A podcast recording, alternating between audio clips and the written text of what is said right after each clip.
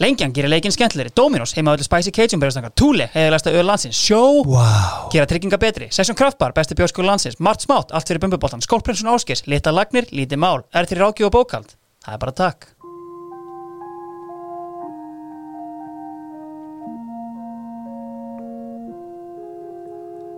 Svona var sumarið er fótboltahlaðvarp sem kafar ofan í hvert fótboltasumarið og fætur öðru, eitt í hverjum þætti.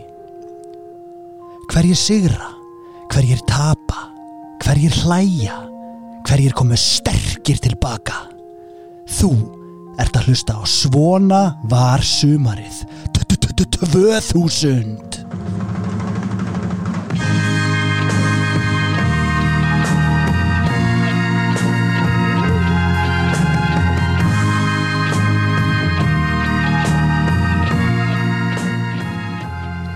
Svona var sumarið 2000. Blessaður Orri Gaddem Eiríksson. Gott að sjá þig. Sumulegðis, við hefum ekki sérst núna í þrjá mánuði. Ég hef búin að sagna þín. Já, ég er að koma mjög gýraður í þetta tilbaka. Uh, eins og bentir einhverjum á Twitter, við erum kennarasinnir og við elskum ekkert meira en gott sumar. Nei, það verður að aðeins að slaka á. En sko, ég myndi minn, fólk heldur samt að ég sé að vera í, ég sé búin að vera í frí, en ég hef ekki haft undan skilabóðinu sem okkar menn hjá Túle hafa verið að drita á mig í leiðrættingahotinu. Ok. Þeir elska auðvitað heiðarleikan og við tölum auðvitað bara Tómas Steipu hérna og hér sitjum við með einn ískaldan 2,25 og það er bara, veist, förum bara yfir þetta. Sko, í einhvern þætti, ég held að hafi verið þegar ég var að fara yfir U21 leikin Ísland-Frakland, þegar Anelka reyfa okkur nýtt raskat þarna, það sagði að þetta hefur verið bara lið á það sem að allir hefur spilað landsleik. Já.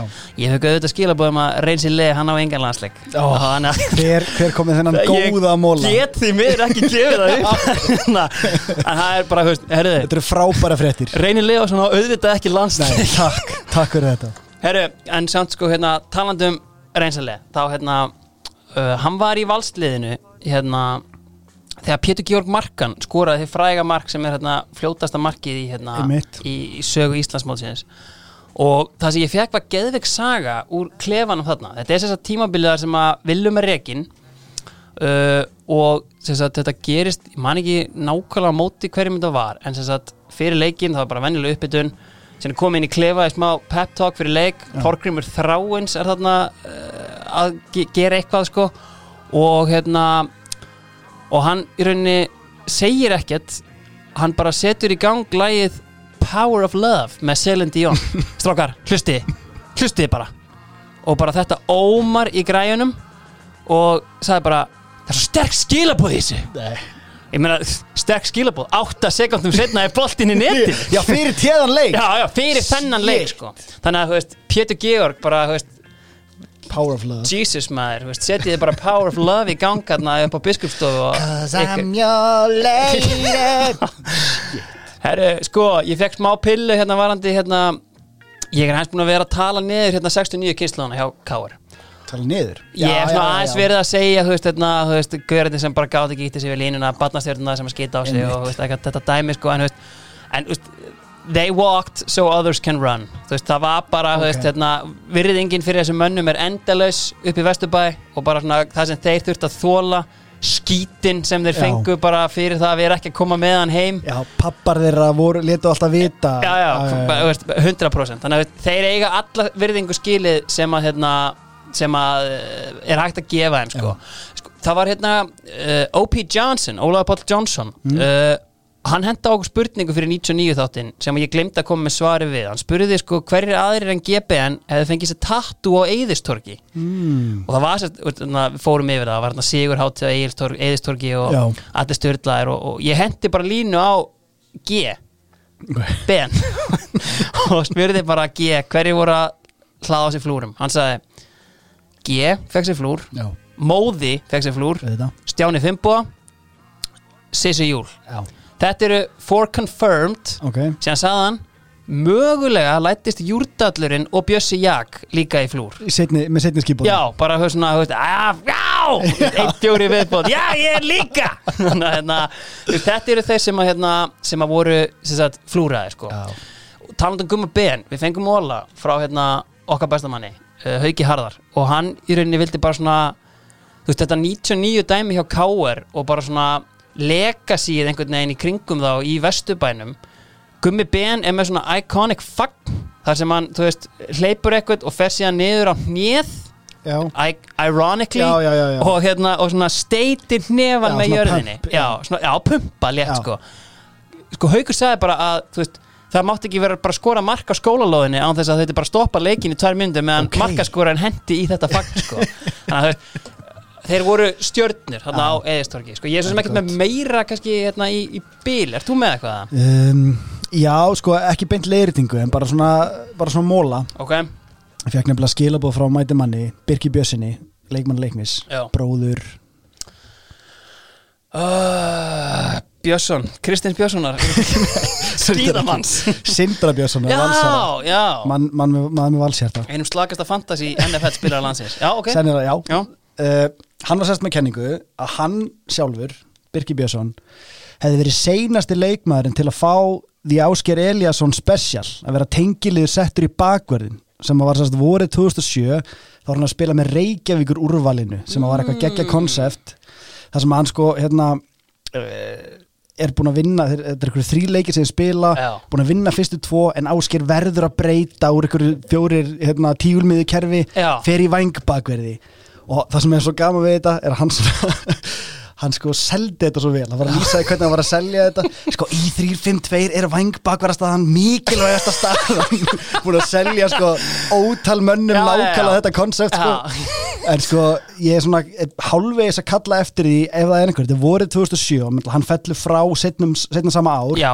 er að þjálfa í er í mannrétt þannig að það er, það er eini sem getur verið setni en Birgir Björnsson er einhver íringur þetta Já. sumarið, þannig að ef einhver er að lusta þarna og þetta í er, þetta er bara eitt besti móli sem ég hef fengið hérna inn í þetta ég sko. fór að hugsa sko, út frá þessu það verður svo gaman að búa til að því að þú til að hugsa mikið hérna, in terms of draumalið já, já, draumalið makeshift bakvarða veist, þeir sem hafa þurft einhver tíman að spila bakvörð Já. og þú getur stilt upp 11 manna liði sem hafi þurft að gera þetta sko. þetta er einmitt náttúrulega konsept sem að hérna, að að veist, eins og hlustendur kannski átt að segja á, þú veist, árin þú veist, árin er ekki endalaus, sko og þú veist, á einhverjum tíðanpunkti þurfum við að drýja út og koma með content meira, sko til að hérna, halda allir gangandi þannig það er aldrei að vita nema við förum að fleia einhver svona specials, Já. veist, þetta væri hérna góðu liður þar, en ok, finnst eitthvað meira? Já, nei, bara eitt sem ég að þú ert alltaf að tala um þú veist, já þegar Sali kom til mín í draumalið og alltaf tala Já, um þín einn þætti ég ákvað einmitt. að taka það bara fyrir því núna Thank you og hérna, að því að við erum með einn ég hjó eftir þessu, ég var að hlusta á hérna kostninga ára sem varst með um daginn þegar það varst með Bjarnar Ben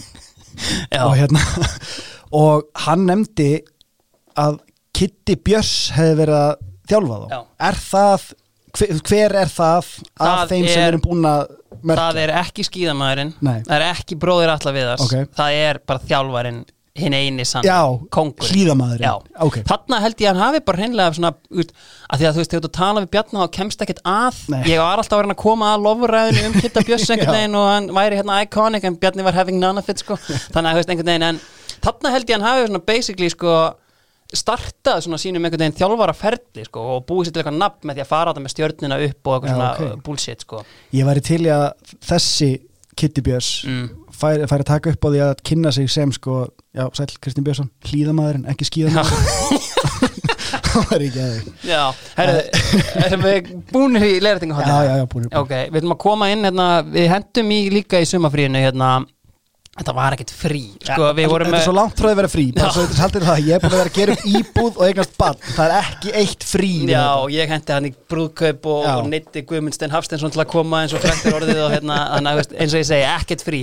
Við hendum líka í húfuleik bara, veist, hérna, rétt á henni gekk upp að allt erunni þá, hérna, er það, hérna, sér það sem húfuleik, já, Já. ok. Í bóði margt smátt, þetta, okkar manna Já. og hérna, þeir voru að græja hérna fimm ártöl uh, 92 þetta, uh, Home of Football uh, 99, KR Já, 2004 FH já. 2010 Blika legasíð og 2014 uh, Garbaengar legasíð já, uh, við, við erum að fara að gefa þessar húur rólegir uh, og hérna það vera margt smátt er að skoða algoritman og sigurverðin vera tilkynntir í næsta þætti. Þannig að það er ekki annað seint að henda sér í hattin ef að þið hérna finnið bara postin einhver staðar hérna í postaflóðin á Facebook eða á Undir draumaliðið. draumalið. Já. Instagraminu. Herðu, uh, ef ekki bara byrja þetta Förum bara hérna eins í sko tíðarandan Já, hérna Við er erum hérna. Við erum hérna. Sko, ég var grjótharður Ígor maður. Varst. Já. Þú veist, þeir hafa ekki verið að gefa mikið út nýlega. Nei, nei, nei. Og svona eftir að ég komst til vits og ára einhvern veginn þarna, þú veist, þá svona áttaði mig einhvern á því að, þú veist, að maðurinn sem náttúrulega stelur síðan trademarkinu fríkor, skilur þú veist þá gett skem einhvern veginn, eða þú veist, ekkert skem Þetta er alltaf alls ekki skemm, hann náttúrulega er aðalaga maðurinn í Já, Ígor en þú veist, hann fyrir að, veist, shifta sér yfir í Já, svona DJ, já, hann já, er ég alveg skil. farinn frá the roots. Plugged. Já, þá gæi með honum. Pétur, já, Já, hann einhvern veginn ég, flutti til útlanda. ég var á tónleikunum í hérna, þetta er hérna fyrir framan NASA, þetta heitir Östuvöllur Já. það er svo tekið Þetta er Bjössi, hann er að fara til bandaríkjana Feðju Já, ég var þarna. Og það var, veist, og þá einhvern veginn fatta að ég svona, er fuck me, it's over. En þú veist, En svo kemur Kristín Írin í auðvitað alls þetta ekki over Já. þegar kýrin mætir hérna og fyrir að dreifa þessu út sko. Herru, en sko það sem að mér finnst aðtekisvært í tíðarandanum er þessi og er rauninni beintengist inn í landslýsumræðina í búið hérna uh, okkar manni Mart Smátt Já. er þessi Stoke City mekanismi. Já, það er þetta á það er í rauninni þetta ár hvort það er sko byrji hausti 99 og svona tegir sig inn í hérna eitthvað og, en, þú veist, algjörlega. Og hérna sko mastermindin á baku þetta er Áskir Sigurvinsson. Það er í rauninni hérna hann sem að hérna einhvern veginn siglir þarna inn og erðu strákar, það er nú kannski hérna sniðugt að að hérna fara að kaupa knastbytnufélag eða eitthvað, eitthvað svoleiðis. Eitthvað, hann einhvern veginn svona kokkar eitthvað plan og, en þú veist, auðvitað er það samt sko gaugi sem segist hafa átt þetta plan sko, hann segist Ah. bara hann sagði bara, ég labbaði inn í kaupþing ég labbaði inn í alla bankana, ég labbaði til alla fjárfestana bara með einblöðung En ég meina, gæti það ekki alveg verið staðan þó að Áskir hafi fengið þessa hugmynd Jú. og útbúið eitthvað og gert eitthvað Jú, og veist, sett kannski nafnið sitt við þetta einhvern veginn sko. þannig að veist, alveg, en, þeir eru klálega þessi tveir hugsur og Gauji eins magnað og það er er fyrst hugsaðar sem technical director því að í starfi er kraftaverkamæðurinn Gary Megson og, veist, og hann var bara að gera drullu fína hluti þarna okay. veist, og einhvern veginn, þeir koma inn og hvort hann er nýbúin að vera bara manager of the month, það er ekkert hægt að reka hann sko, en veist, þeir býða fyrsta færis og hann er bara, veist, eru tapleikur já, já, við verðum bara að koma að gauja hérna inn." Þú veist, þetta er eitthvað- er svona en vitum við eitthvað hvernig hvernig stók verður fyrir valinu? Hefur það eitthvað verið rætt eitthvað staðar? Mm, nei, veist, ég fann það allan ekki sko, veist, af hverju? Það er pottið takt að grafa þau upp og ef einhverju er með það veist, þá hérna, er pottið takt að taka sko. The Potches Já, en þú veist, gamall og rótgróðan klúb búinir að vera með Íslendingatengina náttúrulega Totti og Lárus Orri voru búin að vera að spila þarna. Og ég er enn, þú veist ef þið eru að hlusta og eru búin að vera að kaffæra mér í að fá Lárus Orra í draumalið ég er að vinna í þessu ennþá veist, og það mun koma. En þú veist, einhvern veginn sko, það sem þetta er aðalega er að það kemur upp þessi rosalegi þjálfara kapall um að því Gauji er í einhverju algjöru haltu mér sleftu mér með landsliðinu Já. og að því að þú veist að þetta stókdæmi var alltaf bara, erum við erum frá að kaupa stók herru, þetta er off, við erum algjörlega hætti við þetta Mm. herru, við erum komin aftur á borðinu og, og Eggert Magnússon er bara að svitna bara eitthvað, þú veist, herru, á ég að ráða þú veist, ég er með gauja hérna, geitina sem er búin að vera bara geggjaður. Þannig að þú veist, þetta veltur allt á þetta er eitthvað geðvett óþægilegt fyrir sko alla eðvalds. Af því að þannig ertu bara einhvern veginn, þú veist þú veist að þú ert næstur inn en þú veist, það er, þú, þú ert ekki það mikið wanted að það ætla bara að henda geitinni, bara, þú veist, ef hann er laus. Og e, þetta er allt saman í rauninni eftir að allir er búin að gera þetta kraftaverki með káir Kraftaverki, já, og það er bara, og, og sko, veist, þeir sem náttúrulega er að taka mesta skítin eru káir, sko, er þeir þetta er einhvern veginn, sko, vita ekkert hvað er að gera. Og á húninum, náttúrulega, hérna liggur, hérna, Pétur Péturs. Mm, þannig að, hérna, og, og þetta er mjög lengi, mjög, þetta er svona mánuður af fréttum, bara eitthvað, Segð mér eitt, já. Er þetta að sko þjálfara kapall er eitthvað sem hefur verið svona orð sem er notað einu svona ári, tvisvara ári bara í íslenskri fótbolltaumræðu Já. er þetta mómentið sem þetta orð verður til jafnvel? Hefur sást þetta notað eitthvað um í þessar umræðu? Já, já, ég- sko ég minnist þess ekki endilega en það hlýtur að hafa komið upp sko, ég, sko ég einhvern veginn hérna ég man ekki eftir kannski fleiri þjálfara köplum sko, veist, fyrir þetta, að því, veist, við erum búin að vera að fara yfir þetta núna, ég man ekki eftir einhverjum mögnuðum köplum, í þessari yfirferð okkar Nei, sko, nei, nei, nei, þú veist að því að eini kapallin er alltaf því að Óli Kristjáns hann er náttúrulega kapalskongurinn sko. Já, þetta hefur alltaf verið Ok, þetta var ekki að á þess að að fara út í einhverja orðsifja fræði þá Já. mér þetta bara áhugað þetta er, þetta er þetta er algjörlega. fyndið orð sko. En þarna tökum við yfir og veist, in the end sko, hérna, þá verður Gauði þetta þjálfari og allir eða tekur við landsliðinu. Og hérna, sko það er smá hérna, já, fá aftur upp hérna í tíðarandarum já, uh, sko það er smá hérna, það er changing of the guards á skaganum, veist, þeir eru búnir að vera hérna, veist, það er downfall frá þessum tíma sem við voru að vinna allt gjössanlega Já, og það sem að gerist er held ég árið 2000 þá kemur bara heilsíða í DFF hjónabandsmiðlun á skaganum grípa hvert tækifæri til að fá stelpu á rúndin og það, þarna er komin einhver mekanismi tengdur svona einhverju rúnd menningu á skaganum og sko fróði menn segja mig, þarna hættu menn bara í fótbolta þeir voru bara rúndinum allan daginn. Hjónabandsmiðlun? Þetta var bara þannig að menn voru bara keirandi og, og síðan eru bara hérna þú veist, eh, stelpur eða strákar sem býða bara, er ég á að peka kallinu upp eða á, á, á að peka mig upp eða, veist, að þú veist, það er bara hérna sko, veist, það er bara viðtal við hérna einhverja menn uh, Gunnar Erlingsson á samt vinkonu sinni kom aðsvífand á bíl og pekkaði upp einhverja menn sem mátti ekki vera að því að vera í viðtali. Þannig að þetta var bara, algjör rúnt menning og bara fólki á skaganum var bara að að hafa áhyggjur bara, af auknu tíðinum bílslisa og bara, þannig eru menn þannig, veist, fókusin er algjörlega farin af fótboltanum þarna, sko sko, við hefum verið að fara yfir hverju voru hvað þannig í fókus. Uh, ég held að, sko, ég er eiginlega hættur að skoða þetta eftir ég sá þetta. Ekki má gleyma því að þarna var Alli engaþjálfari sem var þarna líka með torkennilegum dvergi sem kallaði sig Rossi.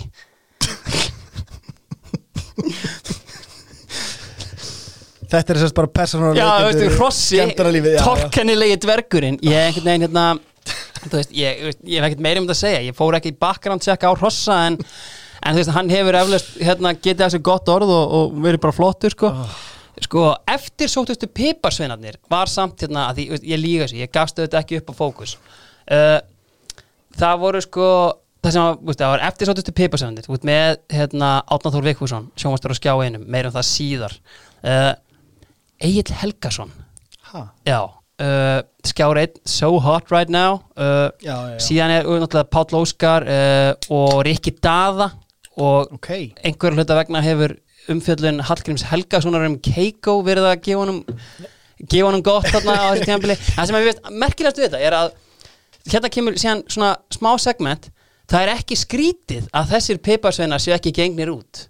Þrýr aðilar sem sagt ó eftir sóttustu piparsveinarnir. Vilhjálmur Vilhjálmsson.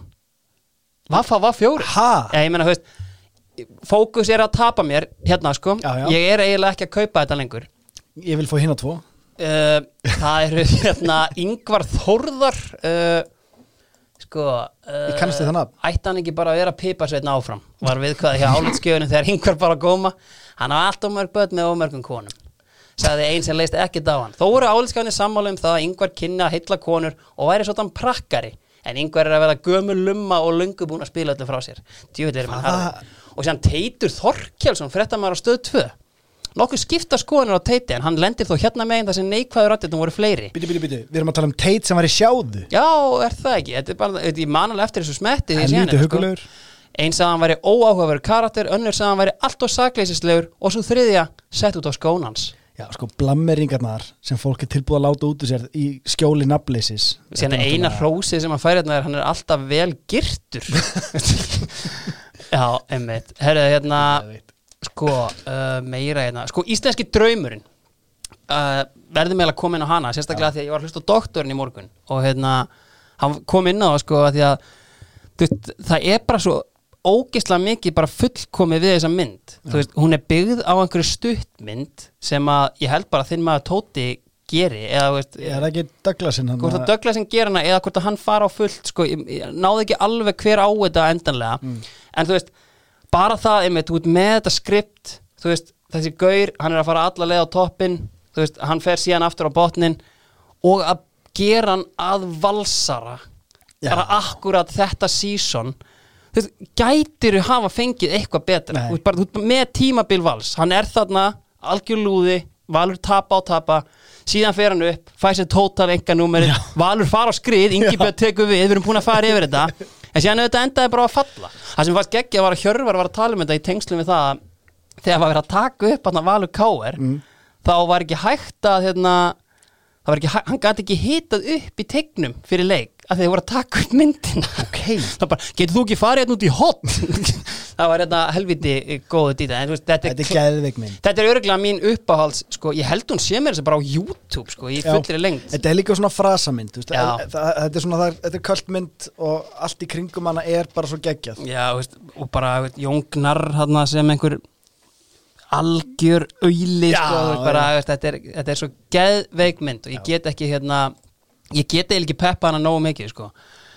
2000 fyrir mér samt verður alltaf vala flosa með stöngina já, þú veist, ég man alveg hérna, eftir því að hafa verið að horfa á þetta og hérna, og, veist, vala einhvern veginn hérna, þú veist, búin að setja þetta einhver heimsmet úlinga og er alveg orðið þetta stórt nafn en þú veist, síðan bara einhvern veginn er hún komin hérna bara í fænalinn og þú veist, bara djöfisins afreg já.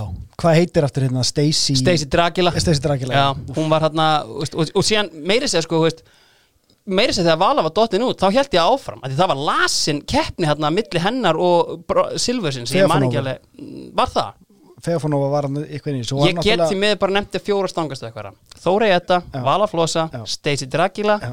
Jelena Ishimbaeva Já, Ísimbæeva, en hún Hún er setna sko. Já, en Ísimbæeva ásamti það ekki ennþá Ég held að met sé nýbúið að slá það En Já, hún ok. átti náttúrulega þarna 505 bara, þú veist ég man, ég man eftir einhverjum ólimpíuleikum sem voru sko löngu búnir. Það var, Hún var löngu búin að vinna Já. og hún var bara stökkvand og stökkvand Já. og stökkvandi sko. Ég, ég mani þessu líka. 2008 Það var, fólk var meira sér sko farið bara af stadium, hún var ein hérna stökkvandi endalist Herðu, sko, við erum með okkar menn. Þeir eru hér. Já, Session Kraftbar. Sko Djammið er að ná algjörum hámarki þarna. Ok. 2000 vandinn. Nei, Nei. E-töflu vandinn. Já, Það er allt í skrúunni Og hérna, og veist, ég var búinn að vera hérna Það var margir mætir menn frá þessum tíma haft samband við mig og bara, heyrðu Ég hef heyrt út að fara yfir þetta. Guð hjálpi þér þegar þú kemur hérna á þessu tímabili. Skuggabarinn, Já. búinn að fara yfir það. Homofútból hérna og hérna, menn flúðu handbóltamennina af Astro. Skuggabarinn En hann einhvern veginn svona hálf tapar sjarma sínum hérna árið 2000 þegar kemur greinin ósæmileg hegðun á börum borgarnar og myndin sem fylgir með já hérna hér, hún er hreint út satt sláandi. Það er þarna það er að snúa skjánum aðeins Já, já, Já. ok. Þetta er þess að mynd af hérna manni. Hann er auglastlega ekki al íslenskur Nei, uh, nei, og hann er, já, hann er þeldökkur og hann er með Joe Boxer það er eina flíkin sem sést á myndinni því hann er kvíknakin með Joe Boxer á hnjánum. Ég held að sko orðið riðlast sé eiginlega eina sem að við getum notað hérna. Þetta er ótrúlegt. Umtalaðasta atvik skemmtanleifsins þessa dagana. Svertingi verðist setja í stelpu á dansgólfin á skuggabarnum og hóti. Ég er að direct Já, quote, já, þetta er já, það sem já. að stendur í blæðinu og síðan er sko eitthvað meira veist, og þessi mynd svona kveikt í einhverju umræðu. Þetta var svona svipað kannski og, veist, á okkar tímum þegar hérna þegar við erum að kaupa bagdóllin á 350 kall Já. og allir eru allir byrjar að gera það. Og mæta með útrónar varir heima hjá sér Já. og það er einhver alþingismæður sem sér það er hérna allir með útrónar vör. Hérna, og þá byrjar endalus umræð um þetta Já. og bara menn sjá að baggið er búið að hækka í 1000% í hérna sölu og eitthvað. Þetta var þannig að þá fara menn að opna sig hérna er Kitty Bigfoot að tala um það þegar hann var veginn að vinna á barnum og það var bara maður sem fekk ekki þjónustu og vippa hann út og meigi yfir allan barinn. Sko. það er sko veist, ósæmileg haugðun er sko veist, vægt til orða tekið Já. sko. Þetta, þetta er mjög þetta er mjög skemmtilegt af því að þetta rýmar svo nákvæmlega við það sem að ég var að upplifa já, þegar ég fór á þjóðabóðklöðina ok, og ákvaða að grúska. Já í uh, aðeins, býta aðeins. Já. hlustendur heyra að ég er að halla mér undir flatt Já. hérna. já, ok.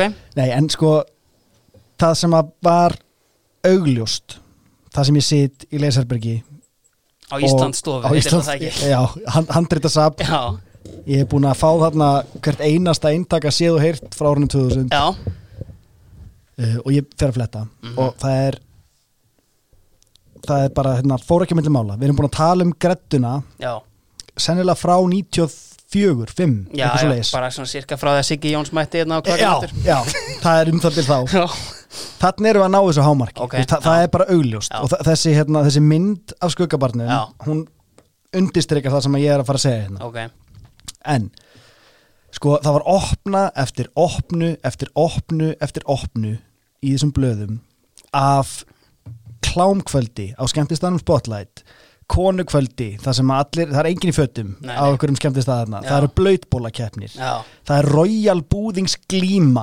Einhverja tvær fáklæta stelpur að glíma í Royal Búðingi. Æ, og sko og ég Voru það ekki að glíma Já, jú, í já, búðingi já. búðingurinn var já, Já, já, ég held að það allar. búningi En já, Nei, nei, já, já, það er einmitt, þetta hefur aðeins. Já, Nei, en sko það sem að það sem ég fór síðan að gera var svona að lesa aðeins textana í kringum þetta mm, og bara svona hvað hva er í gangi? Mm og það er greinlegt að það er komin smá meðvitund í landan að það sé eitthvað. Og það var einhver sem að nefndi sko að við værum að gangi gegnum eitthvað svipað og danir á sjönda áratögnum þar sem að væri bara eitthvað svona klám kynlífsbyltinga í þessi stað. Já, og það var þarna sko einhverju þættir sem kom út eftir Sigurstein Másson bara sex í Reykjavík í fjórnóttum ég verða að fara að horfa á þetta sko en þetta- er hann bara að tala um þetta dót sko. Já. En það er hérna smá móli sem að mér fannst svolítið fannst svolítið rammað þetta inn og svona þreytan í blaðamannunum, hvernig hann orðar þetta. Svolítið skemmtileg. Fyrirsögnin, allsberir karlmenn í miðbæ Hafnarfjörðar Tísku vestlunum Herra Hafnarfjörður hjælt á dögunum upp á að eitt ár væri liðið frá því að breytingar voru gerðar á vestlunni það gæti ekki verið minna tilefni. Það sem þjóðin virðist vera með kynlíf á heilanum var ákveðið að bræða á leik. Uh, Kallmenn voru manaðar að ganga allsberir upp stegan á verslunarmiðstöður í miðbæ og þeir tíu fyrst sem þorða að gera þetta þeir fengu, þú veist klippingu á karter og, og einhver hérna, verðmæti 60 kall í búðinni eða eitthvað skilur. en þarna voru náttúrulega bara röð Já, og tíu gæjar tilbúinir að pósa, pósa mynd og bara þeir eru á titlingnum í séð og heyrt að lappa hérna gegnum það sem verður sennilega fjörðurinn einhverjum árum setna eða eitthvað. Ég bara, já, já, þetta, þetta er bara algjört klæmaks í þessu rugli. Já. annað sem að hérna er svo innilega mikill mælikvarði á púlsinn, Bloodhound Gang. Já, eru svo vinsælir já. og koma einn og halda tónleiki í höllinni og það verður allt vittlust og það eru þetta eru náttúrulega menn bara að taka titlingin út og pissa yfir Jimmy Pop og, og já, já, já. Og, og einn mjög fyndin gaur sko, sem, var, sem var tekin upp á svið ykkur 17 ára strákur og hann ætlar að hann peninga sem Jimmy Pop söngvari, ætlar að borga hann um 30 dollara fyrir að drekka tvær kippur af Dr. Pepper upp á sviðinu. Er hann er eitthvað mynda á hann sitjandi að drekka Dr. Pepper og með þeir eru bara eitthvað að spila. Elsku kallinn. Já, svo var hann ekkert að torga þessu þannig að hann ákvað að bjóða honum aðeins meiri pening fyrir að koma í sleik við sig. Já, og það var það sem voru mikið að gera fara í Já. sleik við tónleikagesti. Já, og þannig er æskan bara hérna, næla sér í, í Herpes 1 alveg bara mjög mikið sko. Um, en já, svona, þessi, þessi svona ekki lengur undirliggjandi gretta kemur brist öll upp á yfirborðið þetta, þetta ágæta ár. Og það Já, er bara svona já, þú veist, þessi, þetta klámkvöld á spotlight, þú veist, þessi opnæðir það er engin í fötum, það er allir einhvern veginn á brjóstunum. Mhm, og menna taka tippið út og svona. Já, já.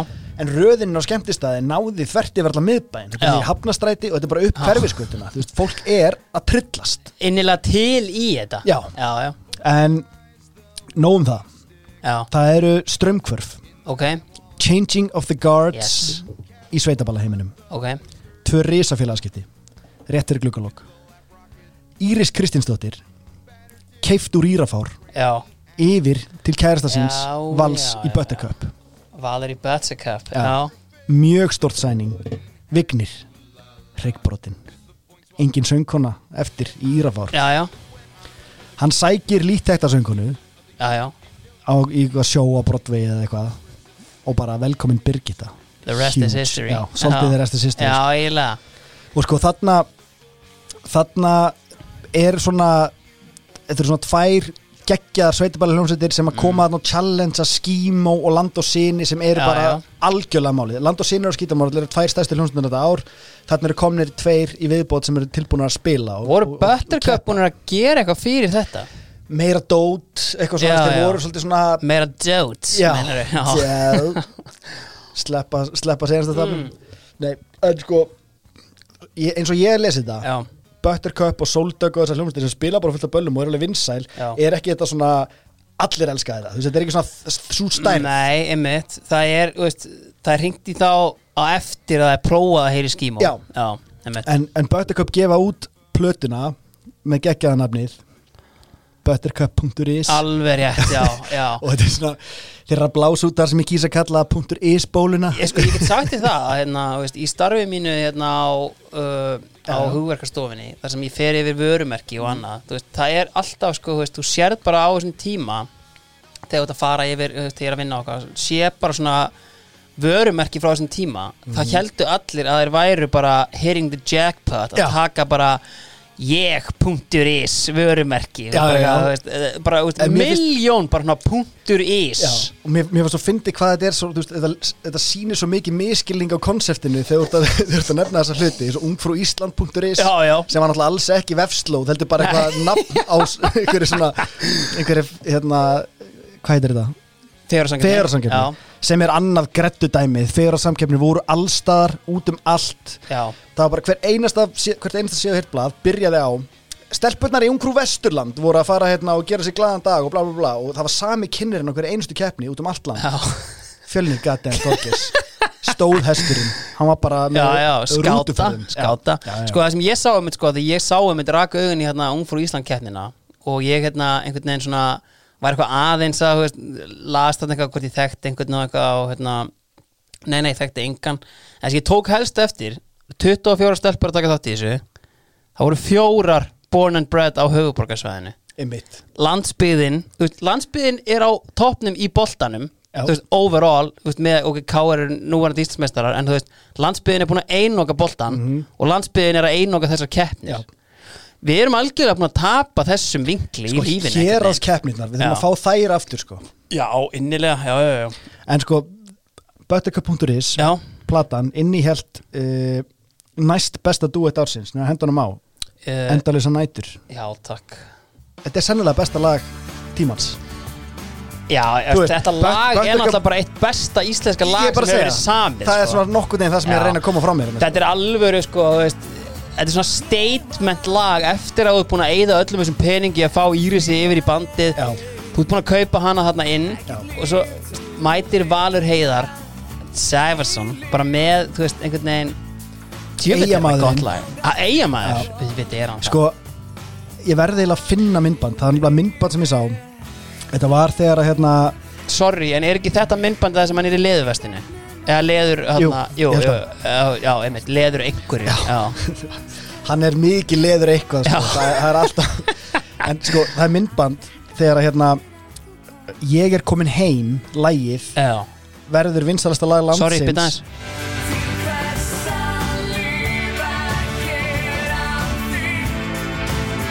til hvers að fara að fæta. Þa, það er sko, það er þessi Eddie Vedder stælar í valsarnum Þetta er svo vel sett sko.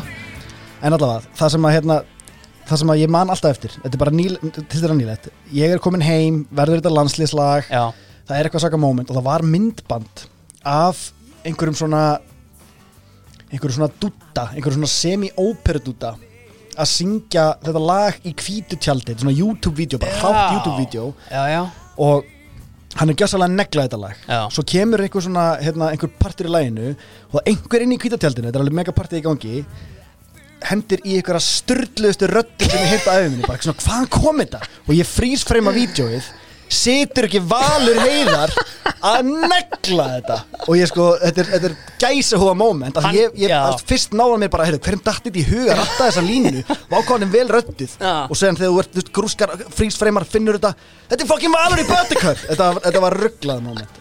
En, já. Sko, annar lag bara til þess að svona fólk fái tilfinningu fyrir hvað er að byrja þarna. Ok, það er nefnilega sko fyrsta svona coming out lægið sem Írafár tekur með Birgitu. Ok. Og það er hvar er ég? Sem að kom ekkit út á plötu en þeir gefa út plötu setna sko það sem þetta verður. En, veist, þá er þeir komni með alla þessa hittara sem allir þekkja og svona. Þetta er alveg Ok. frækt lag og svona. Já, en þarna var bara svona single bara hei, hér er Birgitta. Já, þetta er þeirra svar við endalisa Night Shift. Svolítið sko. Og Ég man ekki þetta þessu lagi. Jú, jú, býtu bara. Þetta er einmitt svona fyrir mér er þetta þetta er svona holdgerfingur tónlistarinnar sem er í gangi á þessum tíma. Þetta er Ok. svona pop pop, þetta er svona sveitapopp og svona, já, nei, já, einmitt, halda áfram Já, uh, Ég vildi bara leifa sæðans að lifa Því Já, að það var að klárlega. með aðra sálma sko. já ok. Sko Tveir aðilar eru út um allt Ok, þetta ár. Fyrri aðilinn Dorrit Musaev. Já, já, einmitt. Þannig er hún mætt á svæðið og hún breytir ákveðinni dýnamík. Mm og ég er með smá kenningu.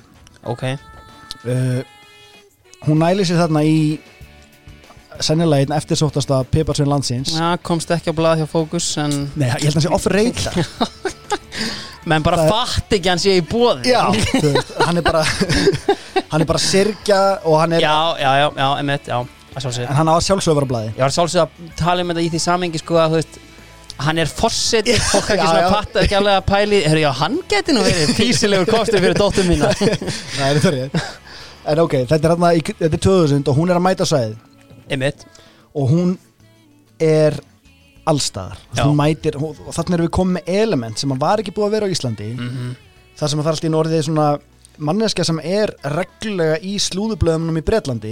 Já, já hérna, þannig að séð og heyrti komið með content bara heyrðu, hún var hérna, hitti Jordaníu prinsessuna Já. og þú veist það er svona svona dót sem, að- sem að kemur og þau eru út um allan fucking heim þetta Já. ár, þú veist þau eru bara í einhverju svona ástar hérna, ég segi ekki atlótum í- á myndunum en þau eru augljóslega svo ástfangin og eru bara einhvern veginn í einhverju heimsreisu Myndir svo- kallað, já, nei, þeir fóru náttúrulega í samt frægan reyðtúr uh, hérna, þú veist, hérna og var það ekki svolítið þá sem við erum kynnt fyrir henn og hún einhvern veginn svona sigrar hug og hjörtu þjóðana Já. þegar Ólafur hérna hrýnur af baki hérna á rétt. tölti og hérna og hún er hérna hjúkur og hann er hérna eins og, ég veit ekki, eins og einhver pulsa bara hérna liggi og hún er hérna strjúka honum vanga, þetta er Já. ógislega fallegt moment sko, en mín kenning er sérst þessi já, með því að láta okkur elska sig í gegnum slúðupressuna einhver sem við höfum ekki þekkt áður já.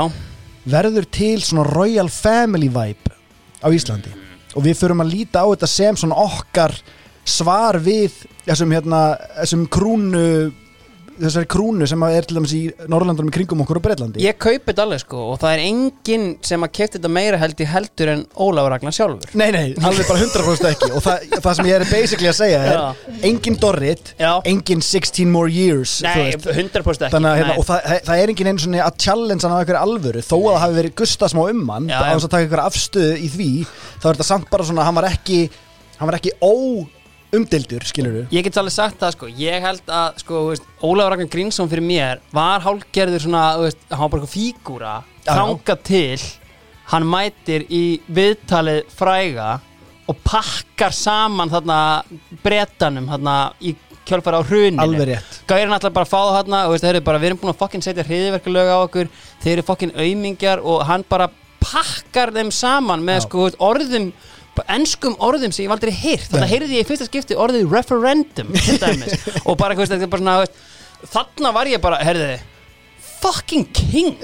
Bara, og þá, þá í kjölfæri kemur bara þessi svona átta ára sigur hrina mannsins Já, svona, já. veist, einhvern veginn sem algjörlega, er, hérna- hann, og, og, já, þessi, þessi, þetta aspekt, þau voru eins og og eru faktist pínu ennþá eins og svona okkar royal eh, konungsfjölskylda. 100% algjörlega hinn aðilinn sem var út um allt þetta ár uh, Dean Kane ok, og það er mjög skiljanlegt að þú veitir ekki hvernig ég er að tala um. Nei. En þetta svo gerist þannig hann kemur hérna í einhverja heimsók og ég, það kemur ljós hver hann er ekki ára þetta, ekki hann svip við mig hérna.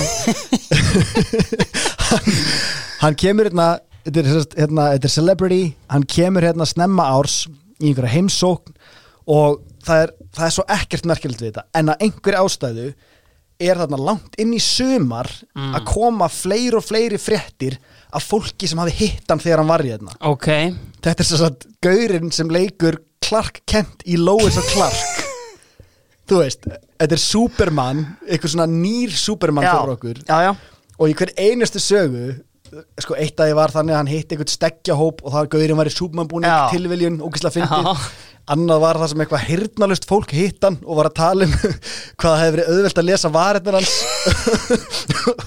Og svo, svo var all- allir með sama dóti þar sem hann var alltaf alltaf þegar hann skrifaði einhver eigindarárðanir mm. alltaf Já, super to meet you. Jesus, og alltaf að nota, hann var alltaf að koma orðinu super inn í allt, ótrúleg típa sko, þetta er bara, ef þú mannst þetta smettin á hann ég, man, ég er með hennan gaur alveg hann Svo sem lék Glóis er þarna gælan sem var í Desperate Housewives Já, hérna, Terry Hatcher, þetta er geggjað þættir eða svona í minningunni. Eflust ekki, en, en, en ok, já. Talandi geggjað þætti Varst þú, ég manna það ekki, varst þú stöð tvö strákur? Já, Já, ok, bara þá, born and raised okay. þá, erum við, þá getur þetta virkað. Já, ok, af því að í séð og heyrt er alltaf dagskráin. Já, og ég fekk svo ótrúlega sterka nostalgíu tilfinningu við að lesa þetta og sjá alla þessa þætti og svona. Ok.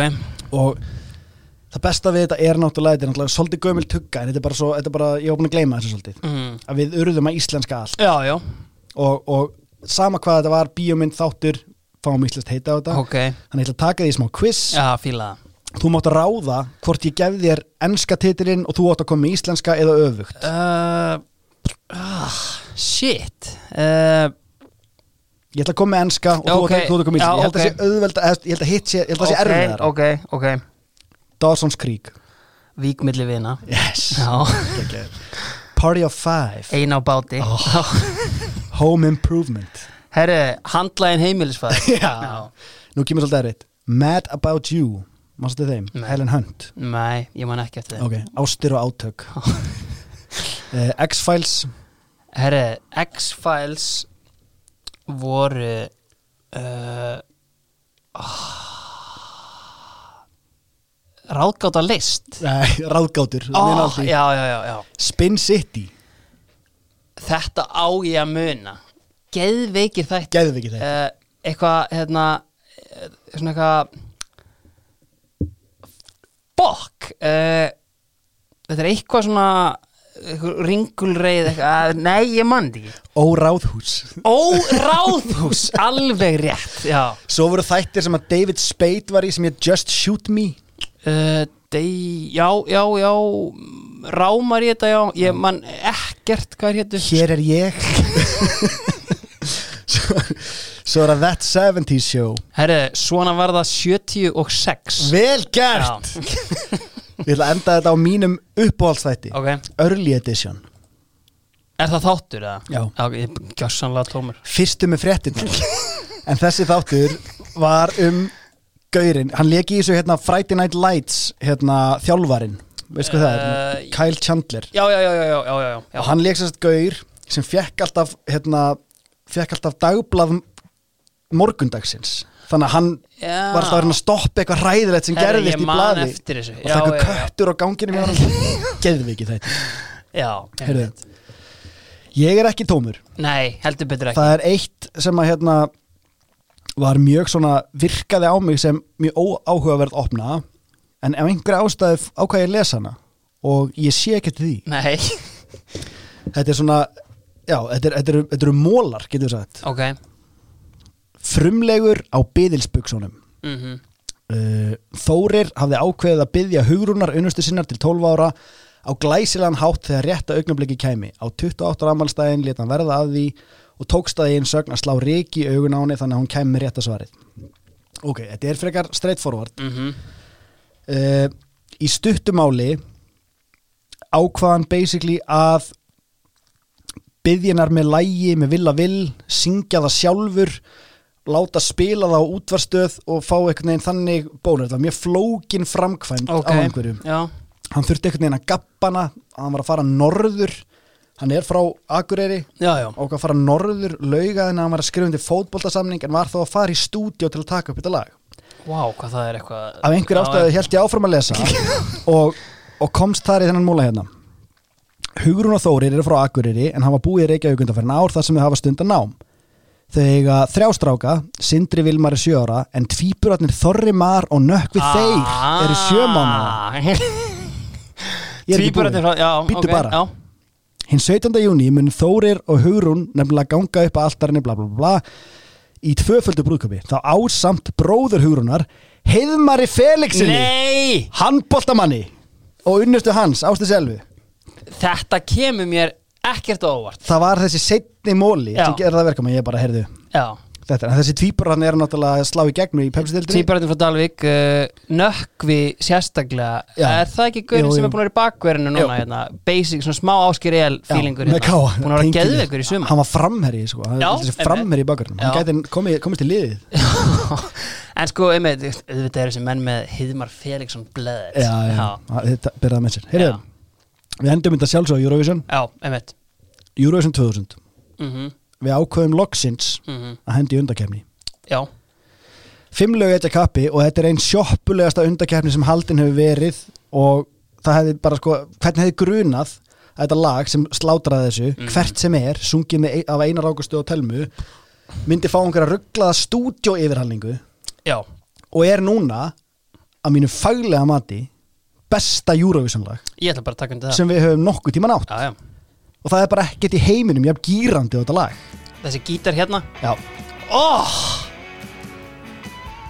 Geðveikt. Sko ég heyrði, held ég hjá Gulla og Geira að hérna hún hefði valið bara veist, hafa búið að ráða hana hún bara hver á að koma með þér? Uh, Halló, Einar Ágúst? Eða August eins og hann er kallað hérna á. Spotify Nei, þetta er Þetta er geðveikt lag er geðvitað Já. og bara því miður erum að mæta ofjörlum okkar í Olsenbræðrunum sem Já. að ákveða autotjúna sig inn í hjörtu Európu Já. og, og, og sigra óvænt, þeir Já. sigruðu óvænt Var það málið það? Já. Leðbankar út að skýta. En sko, ég, ég fæ ekki, ég, ég er alveg samanlega Þetta er held ég besta hérna, íslenska Já, Uh, textahöfundurinn var með pappa mínum. Ég kalla hann alltaf, ég, ég, ég sko gekk um skólan og montaði mig af því Ok. sko og hérna bara, Sigurður Örn Jónsson. Siggi vinnufélagi. Ah, kannast nú við hann.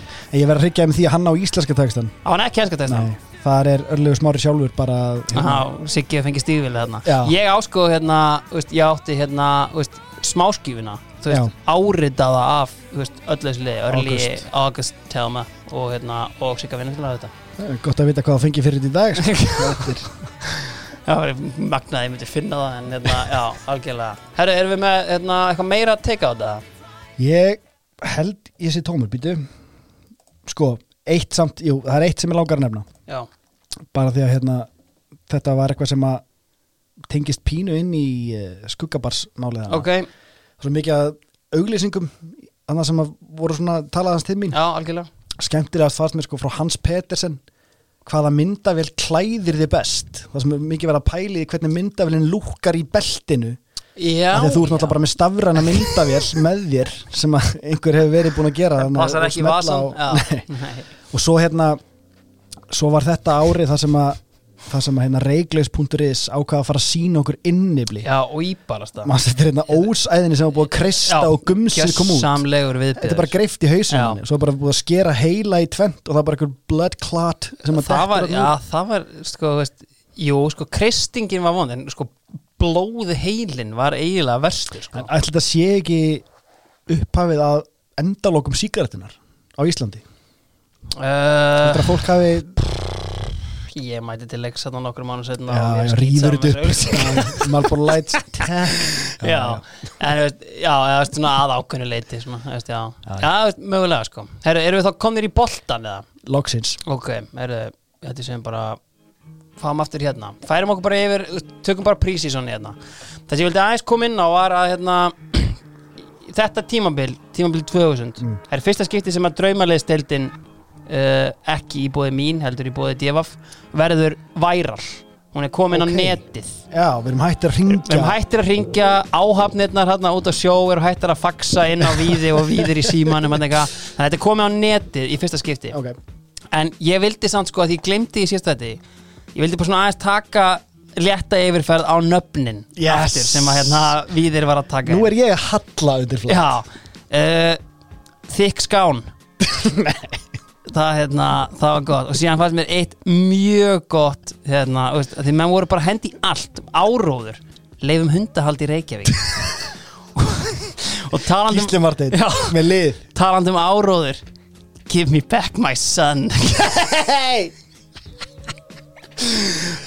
kallt erðan klara. Síðan var sko hérna uh, sko hinn andsetna mannætu dráttarvél og síðan var sko hérna lokum þessu á sko sko gæi sem að hérna þetta hlýtur bara að vera einn gaur. Af því að það var gaur sem að hét liðans hétt Luppi það var eitt lið sem hétt bara Luppi en síðan fylgdi í kjálfarið Luppi drusla, Luppi tað Luppi hrossatað, Luppi gubb Luppi niðurgangur Luppi is my uncle of love Luppi dýrkar Liverpool Luppi elskar makka týr og Luppi kólamóli þetta var alveg gett og bara mikill söknuður af því einhvern veginn að víðir þyrft að vera ok, Luppi gubb ok.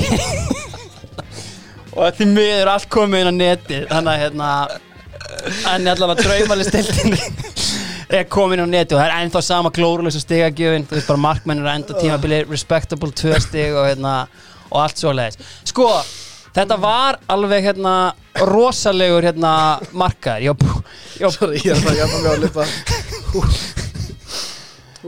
Hérna, sko, þetta var rosalegt einhvern veginn svona prísísson að því að hérna leiftur uh, við fórum yfir það að hérna sko, hvort að hérna uh, hvort að hérna leiftur einhvern veginn Jens Martin er talin líklegast að taka við keflinu á hérna Ólafsfyrði Af hverjum?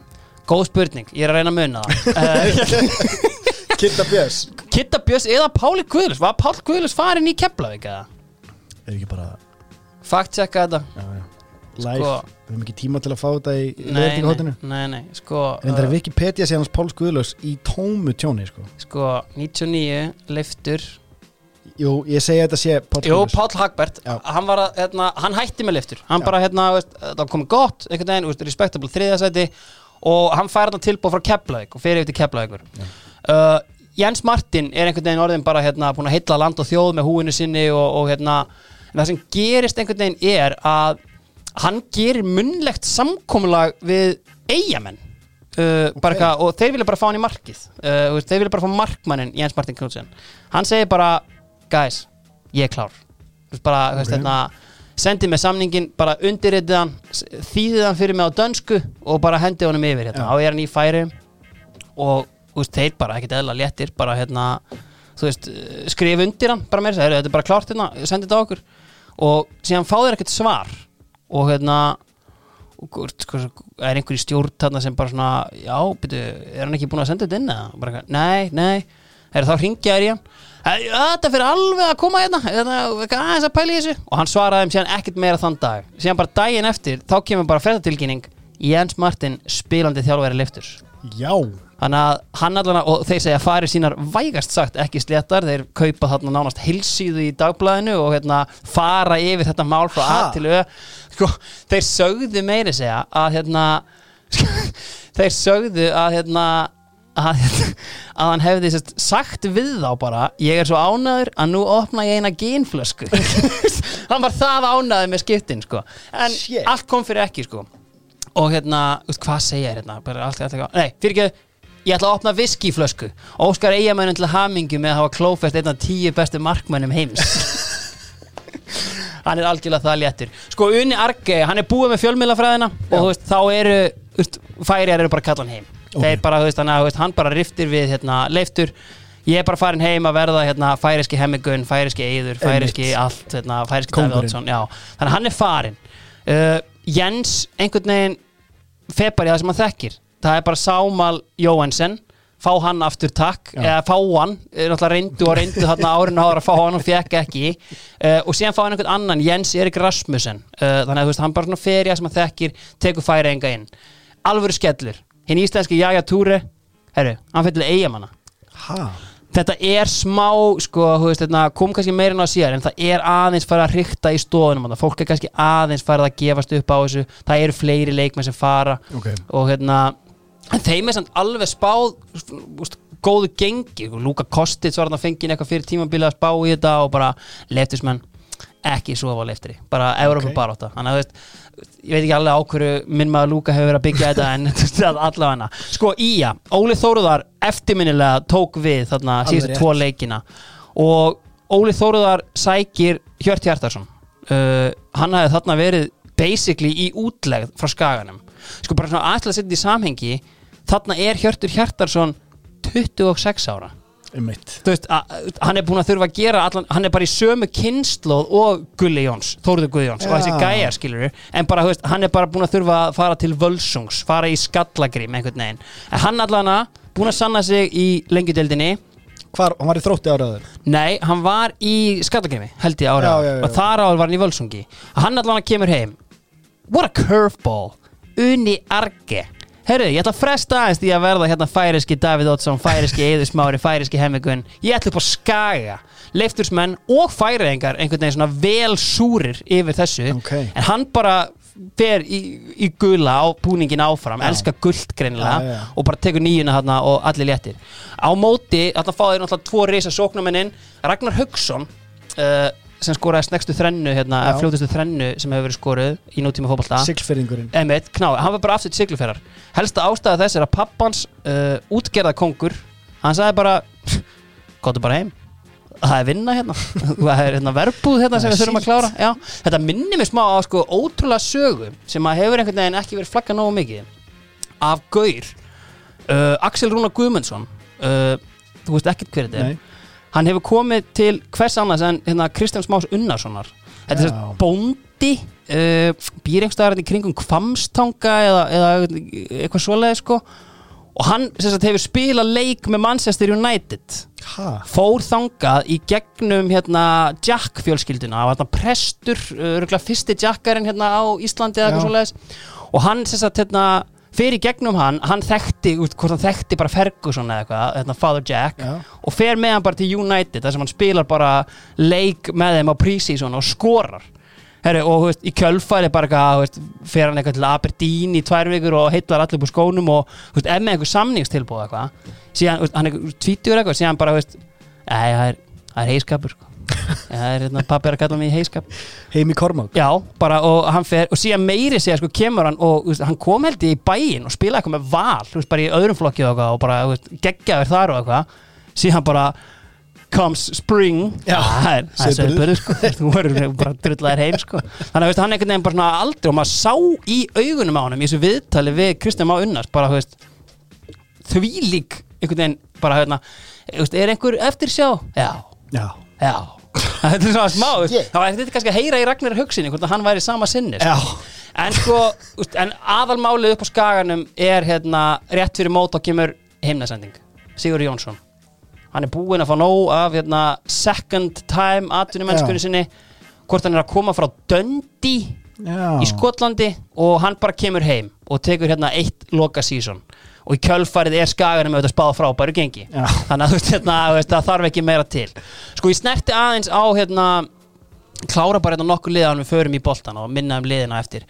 Sko K.R. dæmið þetta sem að dróðu hérna, the shortest stick og voru bara að býða eftir því að allir kláruðu sín mál. Allir eðvalds tekur við landsliðinu og þú veist þá er bara að fara beint í Pétur Péturs. Þú veist, það er hérna hvort var eitthvað smál og jólafs eða eitthvað en þú veist það bara veist, nánast degi setna er Pétur mættur. Ok. Og þú veist enn og aftur bara svona þú veist Pétur, þetta er svona sambærlegt og er rændu alla eðvalds af okkur. Já Pétur Péturs er bara allt í nú og, hann er bara mætt að næða, já með káir það er bara, það segir engin neyfi káir maður bara elskar klúbinn og þú veist bara fokkin skaga maður ég meina, syngdi eitthvað stolt hérna þetta er, óþólandi hvernig þeir gera þetta, að ræna mönnum bara einhvern veginn, ekkert all- alltaf að taka þessa menn og gefa þeim vinnu en þú veist, bara að ræna hjartanu bara einhvern veginn, þú veist, bara ég, hef heyrt hérna svo ég vitni enn og aftur í hérna viðtali hjá hérna, skagarhalistinni við hérna bakar Já hann sagði sko veist, með Pétur Pétur jú, jú, veist, á vesti það er eileifur fór veist, það, veist, en, það, er bara endalaus saga af skagamönnum einhvern veginn svona að henda sér yfir til káar og verði einhver bara svona þú veist ég get ekki talað um þetta meira. Það sem ég vil kannski alveg bera undir þig sko, er að mér finnst káar gera hálfgerðan afleik hérna. Þeir voru í þessum geðveiku lottotreyjum 99 Einmitt. Fyrir þetta tímabil þá fara þeir í Reebok búningur þeir er ógislegur Já. sammála? Já, ég mér finnst það viðbjörslu búningur. Það var einmitt hérna uh, smá móli í, í síðu heyrt já, um það. tilkynninguna. Já, Þar voru þið búin að fá hann einhverja aðila til þess að vera í henni. Mhm, þessa klassísku og, og Emblu Gretastóttur fyrir hérna fyrir hvenna boltan og þetta var allt huggulegt fólk hérna. Já, uh, það var augljóst bara strax að fólk var óanægt með þetta. Af því að textin var mjög afdráttalus Já, það sem að var bara svona hvað er það að gera? Já, veist, fyrsta lagi bara hérna þú veist, þetta er sama, ég hef byrt hérna á hérna, Twitter hjá mér myndina af Arnari Gunnlaugs þegar hann spilaði í tjaldinu fyrir hann hjá Já. Bolton þetta er sama, veist, þetta er svona grá og, og varabúningun sérstaklega grá, normal fit Já, veist, ekki, var- minnsta stærðin er XL Var Sjelli ekki ennþá framan á? Jú, sjálfur Já, framan já. á, en, en merkið, þú veist, þetta, er- þetta, er allt svona, þetta er ekki svona justified, þetta er bara svona central, Já, í já, vörð, já, já. bara, þetta er ógæðslegt, sko, Já. og búningurinn alveg hérna, Já, þessar auka rendur, þessar mjóa Já, og auka þú veist, þetta rendur er bara svo, þetta er svo að því að 99 treyjan er náttúrulega geðvig ekki bara út af því bara hvað hann stendur fyrir þetta er bara svo flott treyja Já. skilur, en þetta var algjör afleikur, Já, finnst mér sko. menn að prjóna yfir sig. Já, Bara Nú loksist gjörsamlega. titillin kominn. Já, förum í rýbók Herri, Gummi Ben fyrir á veturinn á láni hérna til uh, Gel hérna í, í belgisku deildinni. Á veturinn? Þetta er svona færisk Já, á veturinn, já, ég er náttúrulega algjörlega undir áhrifum. Og hérna, þannig að hérna, veist, hann fer þanga og svona pæling hvað hann ætlar að gera. Kannski svona my work here is finished. Bjarki Já, já. Gunnlaugs fer uh, til Preston og Já. þú veist, bara yfirgaf káir þannig að þú veist, stærsta málið er einhvern veginn þessi þjálfaramál. Þú veist, eins og ég hef búin að koma inn á. Þú veist, Og heyrið þér eitthvað að pæli að Þá er þeim, já, að þeir eru alltaf með og sem þá Þeir eru með Já, já, já, já. þannig að og þeir búast alveg við gumma aftur sko, Já, já, veist, það er- ok. hann er bara lánaður veist, hann er ennþá á samning sko, þannig að veist, þó hann sé er glórulegt lána leikmann í belgísku úrvalstildina já, síðan kemur bara aftur hérna mjög finn Heim í hiskapinn. Já, en síðan er þetta svona, þetta er smá svona eins og menn kannski séu bara eitthvað, hvort að Stjáni fyrir líka aftur eitthvað uh, Þormóður Egilson er allt í orðaður svona, eitthvað, eru allan að hætta? Allir Já. sem vilja fá hans spilandi aðstóða þjálfara og hérna, en þú veist, á endanum eru þessi mennandir áfram, þú veist, koma samt smá lemstrar inn í móti, Stjáni Finnbúa og hérna Júrdallur báði frá með svona einhver nagging injuries, Já. þetta er enda sko, veist, ég hef talað við þó nokkra í draumaliðinu, Gummi Ben myndist einmitt á þetta, að hann sagði að Stjáni, Stjáni er fyrst og fremst ótrúlegur íþróttamæður og hann talar um sko að einmitt hann hafi sko farið í einhverja aðgerð á liðþófa eða kollega þremur dögum setna er hann mættur út á æfingu bara að negla í markmannsæfingum. Og ég hef alltaf haldið að þetta væri eitthvað, eitthvað, líking eða eitthvað, að hann hefði getað þetta. Þetta gerðist sko. Ok. Úst, bara, úst, það er bara hérna einmitt, koma lenstan í móti hann missir að fyrsta leik, mættur í annan leik veist, hann er bara veist, an unreal man. En því fá sko, þeir fá tvo leikmenn svona kannski eins og íslensku liðin er að gera í dag. Heim úr atvinnum mennsku. Okay. uh, Gunni Einars, leiknislegend kemur frá Hollandi og svo big money signing Haukur Ingi Guðnason.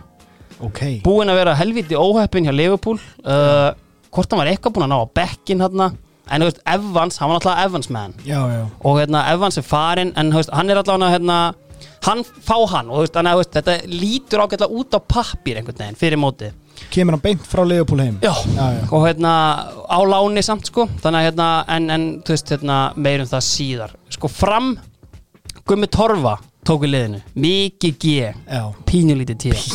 Og hann eru þeir að fá sko hérna þetta er bara Club Legend sem er hérna búinn að náttúrulega gera þessu aðtiklisveru hluti með Grindavík. Og veist einhvern veginn hérna aðtiklisveru hluti, ég meina veist, frægasta dæmið er náttúrulega hvað er skagar, hvað er skagar halestinn 222 skiluru þannig að en, en, einhvern veginn búin að geta sér gott orð klálega, að veist, og fram einhvern veginn eru bara ennþá í þessum fasi að reyna að rífa sig í gang sko.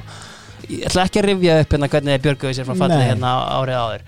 Þeir fara í sömu fræði og hérna og káar með Gunnar Einars og Haukinga þeir fá Valfannar Gíslason, hann kemur úr atvinnum mennsku og Þorbjörn Atli Sveinsson uh, hérna úlinga. Þú veist, hann er búin að vera þarna hjá Bröndby og hann kemur heim. Uh, alvöru held ég svona köld sæning í Ingvari Óla sem síðar með náttúrulega spilar bara í þúsund ár bara fyrir miðinni Já. í yðna gallanum bara, þú veist, ekki eðla nettur. Og Anton Björn Markusson laði skóna á hillina og Sætla minninga.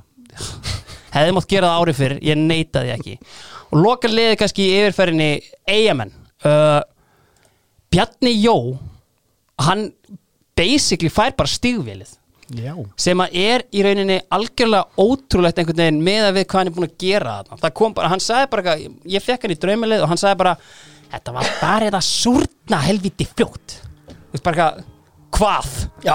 ekki titill á hverju einasta ári eða, þú veist bara maður skilur ekki hvað það voru að gera þetta er, þetta er hart. Kallt er það eigjar, Já. þú veist bara gjörsanlega sko, Kristinn R. Jónsson tekur við liðinu, ég minnir þessi frammari og hérna Já, yngi flokk, nei, yngi landslega þjálfari Já, lengi. einmitt nákvæmlega. Hann tekur allan við liðinu og hann auðvitað, þú veist Ég meina, ég þarf titil, ég fæ Pál Guðmundsson frá Leiftri, og ég kom inn á. Já. Annars eru þeir bara mest í að missa frá sér leikmenn. Ívar Ingimarsson, hann fer hérna Man ekki hvar hann byrja Nei, sko, hann náttúrulega Fyrsta stindi hans er hjá Torquay United. Þetta er svo mikið grænt hjá þessum Ég dyrka hennan gaur svo mikið, sko. Og Ívar Bjarklind, hérna, söngvarinn gett ekki Hann hættir bara. Já, tónlistaferillin meirum það reyndar á eftir. Ok. Kitty Haflega fótið Norex og sko a legend. Basically svona kallar þetta gott. Soran Milkovits hann fyrir Ok. Viking í fyrstu deildina kannski svipa á með Bjarnar Jó veist. hann vann ekki titil og bara veist, ég get ekkert verið hérna, veist, ég get ekki verið að ekki vinna titla. Þetta er bara greinlega búið. Hann er þetta búin að vinna náttúrulega sko frá 93 stanslöst til 99 sko. Þannig að hann allan að kalla þetta gott. Sko spáin fyrir mótið, mér varst mjög skemmtilegt eins og ég kom inn á hérna einhverjum þætti áður Óskar Ófegur er mættur hérna og hann er að dæla út tölfræðinni. nýjum vinklum á þetta sko. Yes blikar eru með hæsta og þingsta lið. Mér varst það smá áhugavert. Meðalhæðin- meðalhæðin er, er 1.83 og 80 kíló. Er þetta ekki frekar lágvaksið og Þungt lið. Já, Þetta er alveg ekki BMI stíð Þetta er ekki frábær hérna meðaltali. Nei, það held ég svo sannarlega ekki. Eða sko jú, BMI stuðullin sko. Er það ekki svona basically mínus 10 Eða mínus 110 sko 1.83 og 80 kíló ég held þú sleppir í normal weight sko.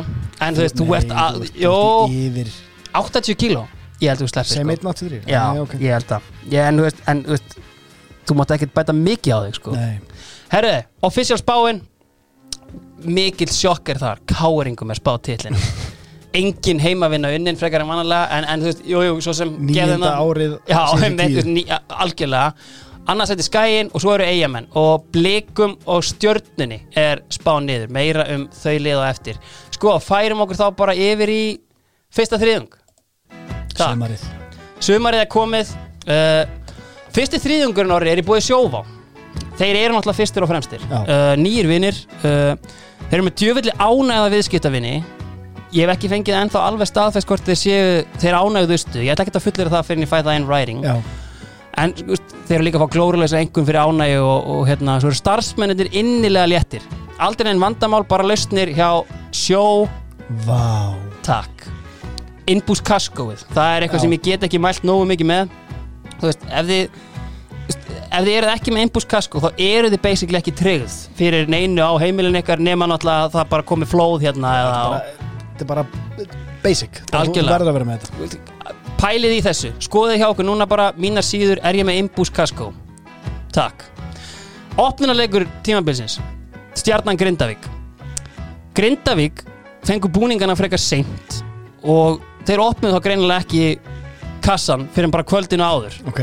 Þeir taka búninginu upp þetta er svona svipa moment og í dodgeball þegar þeir fá þarna Já. BDSM fötin þeir bara taka upp búning hvað í fokkanum er þetta appelsínugulir og dökkbláir búningar Ha appelsínugula hverfið verði enda fagna þessi helviti vel í, í Grindavík sko.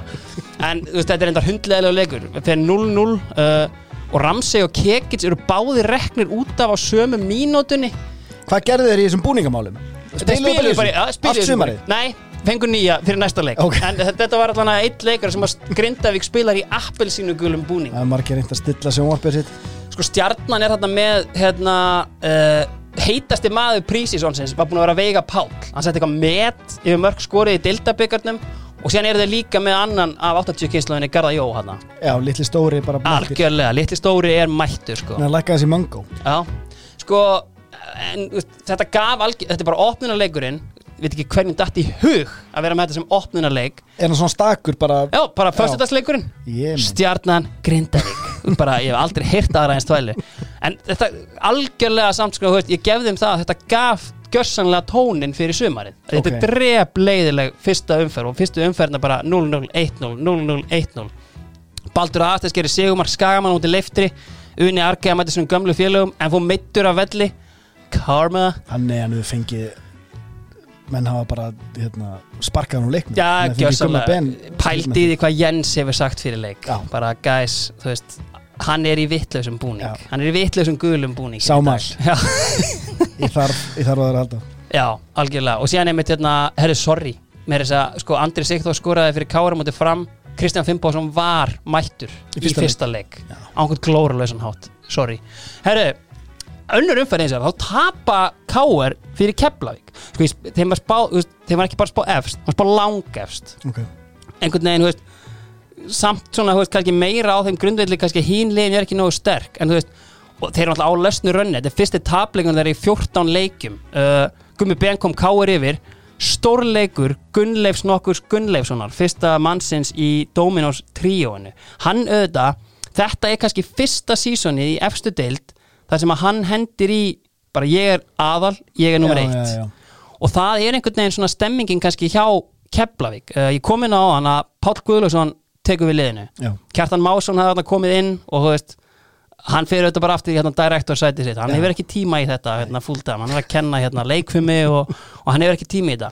Páll Guðlaugsson kemur inn og hans fyrsta verk þetta er bara Páll Guðlaugsson sæði hann hjá Keflavík Páll Guðlaugsson er farin í þryggja vekna þjálfaranámskeið til Brasilíu.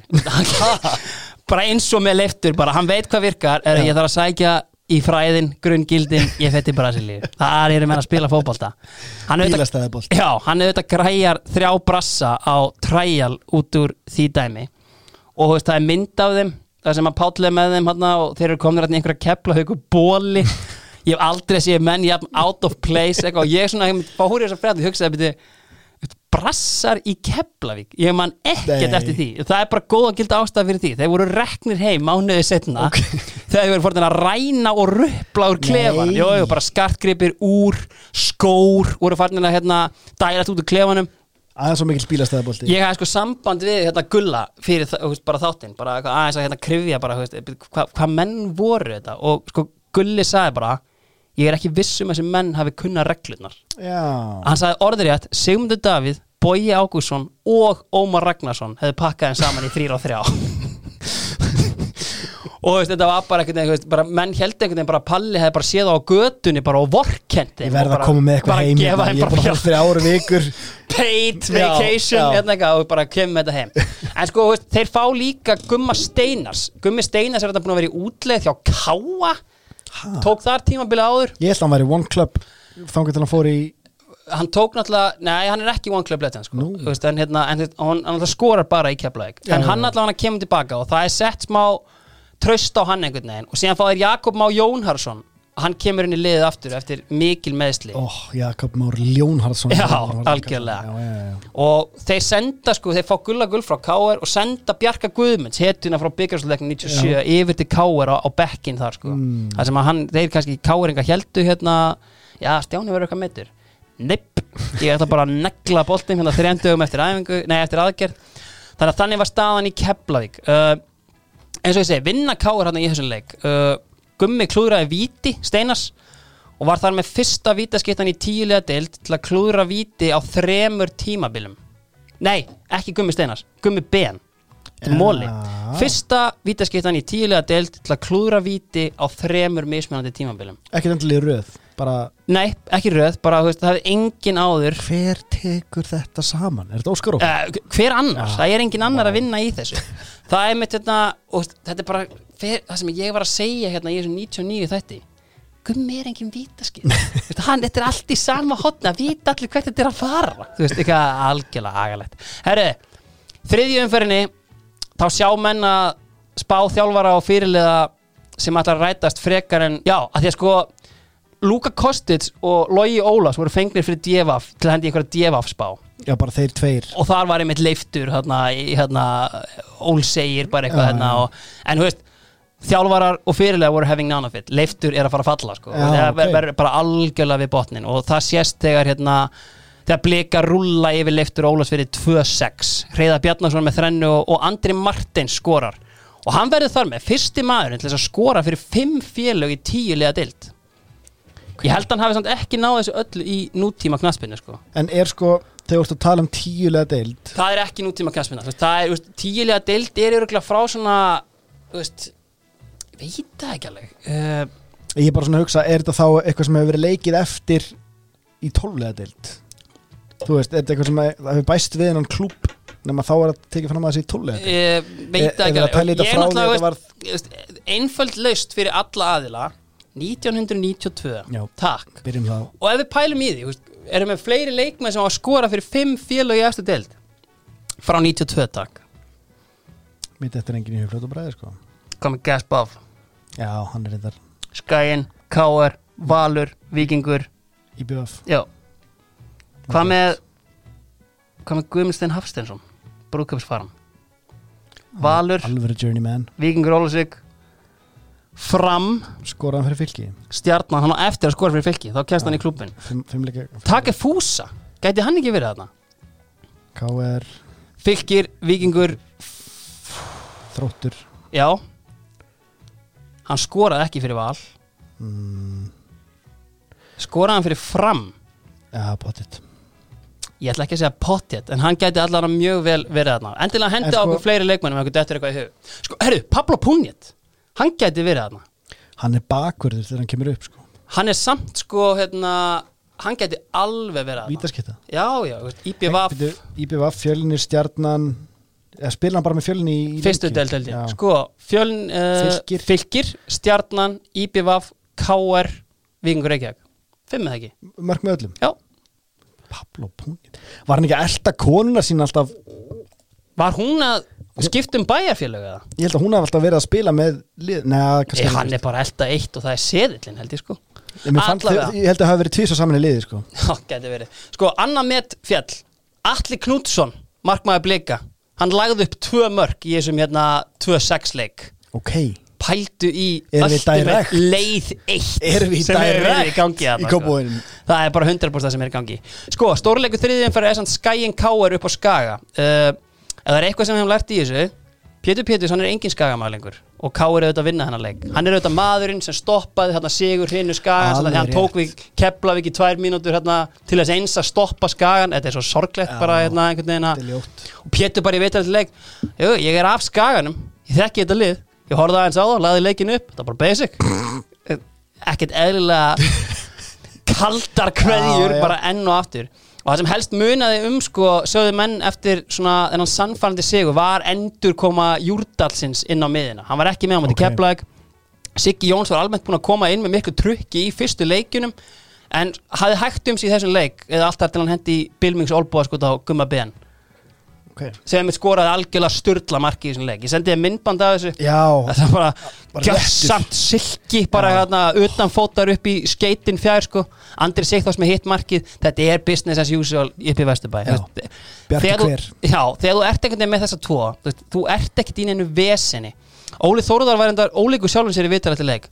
Sagði að Káur hefði einfallega verið grimmari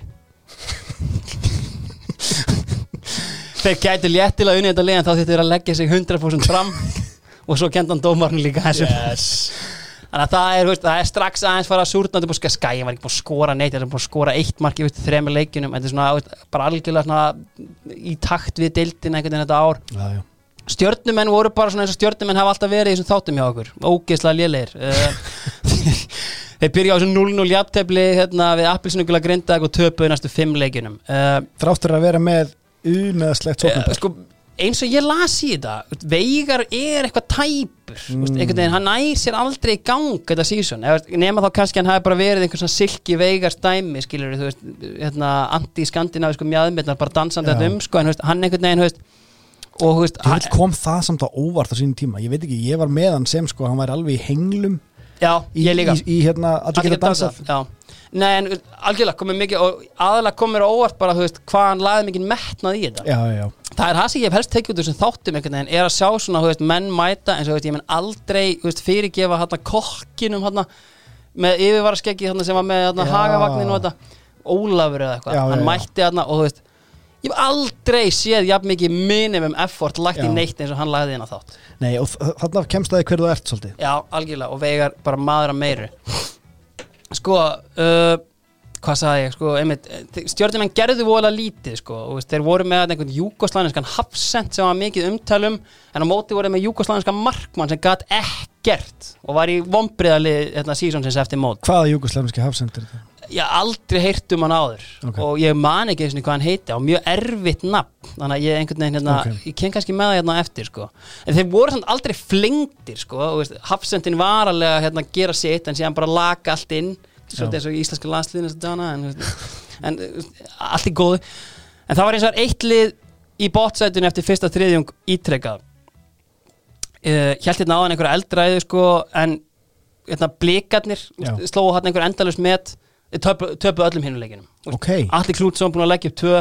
Hann er samt sko á eldi. Bara, úst, það hefur verið orðan við landslið sæti og okkur sko, en þeir bara vinna ekkert. Þeir töpuðu öllum hinuleikinum í fyrsta þriðjung. Þannig að það eru 1-0-6 Ég minn en leiftursmenn eru líka í bölvuðu brasi. En hva, hvað er að frétta blikunum hann? Fyrir við það setna kannski? Við förum meira að setna, ég með það hérna aðeins hérna neðar sko, Ok. maður sé að hvenar hérna, jú, jú, við komum aðeins yfir blikan hérna Já, eftir. ok. Leiftursmenn, uh, þeir voru með sjö útlendinga og eini maðurinn sem gati eitthvað var auðvitað þjálfarinn, Jens Martin. Veist, það var, veist, þannig er þeir algjörlega veist, Santos í leiftri þetta er búið, Þú Ok. veist, hann er alveg búinn sko. Það er engin að gera neitt.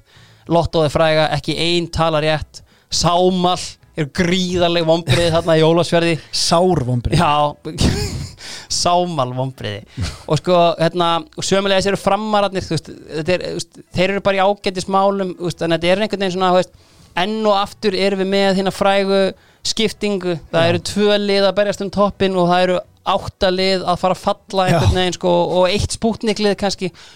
Spútnikliðið það eru þetta fylgismenn Bjarni Jó. Já. Bjarni Jó fekk stigvilið í, í eigum hann var ekki lengi að taka við giggi í árbænum. Hann er að koma aftur í árbæn hann hafði tekið eitt tímabil með þeim í fyrstu deildinni þar sem að hérna, gekk ekki alveg upp, er átt að fara upp, fór ekki upp en hann er allan að komin aftur þarna. Uh, og þegar Bjarni Jó mætir eitthvað þá er rauninni bara ein grunnkrafa ok, eða tvær, ég er með launakröfur það eru hér, hinn krafan. Ég ætla að fá Sverri Sverrisson Já. Hann verður bara Minn sænaður maður. Þú- þið, veist, na, veist, býðið með skrifundir mig talið við Sverri, fáið handla skrifundir þá er ég klár. Og hann hefur þetta mætið þarna og veist, kemur með að því, veist, vorum búin að fara yfir þarna 99 þú veist, þarna undir stjórn Óla Þóruðar þeir höfðu rullað yfir fyrstöldina. Mækarinn sagði náttúrulega á Mækarinn auðvitað í þessum leikmannahópana 99 og, og e, fær ekki að fara inn á að að þeir eru búin að selja sæti á rétt. bekknum og það veist, þeir eru bara með geggjað lið veist, Þetta einhvern er þessi árgangur sem að er að halda hinn frægi, Já. hérna, gullkynnslóðin hjá fylki sko,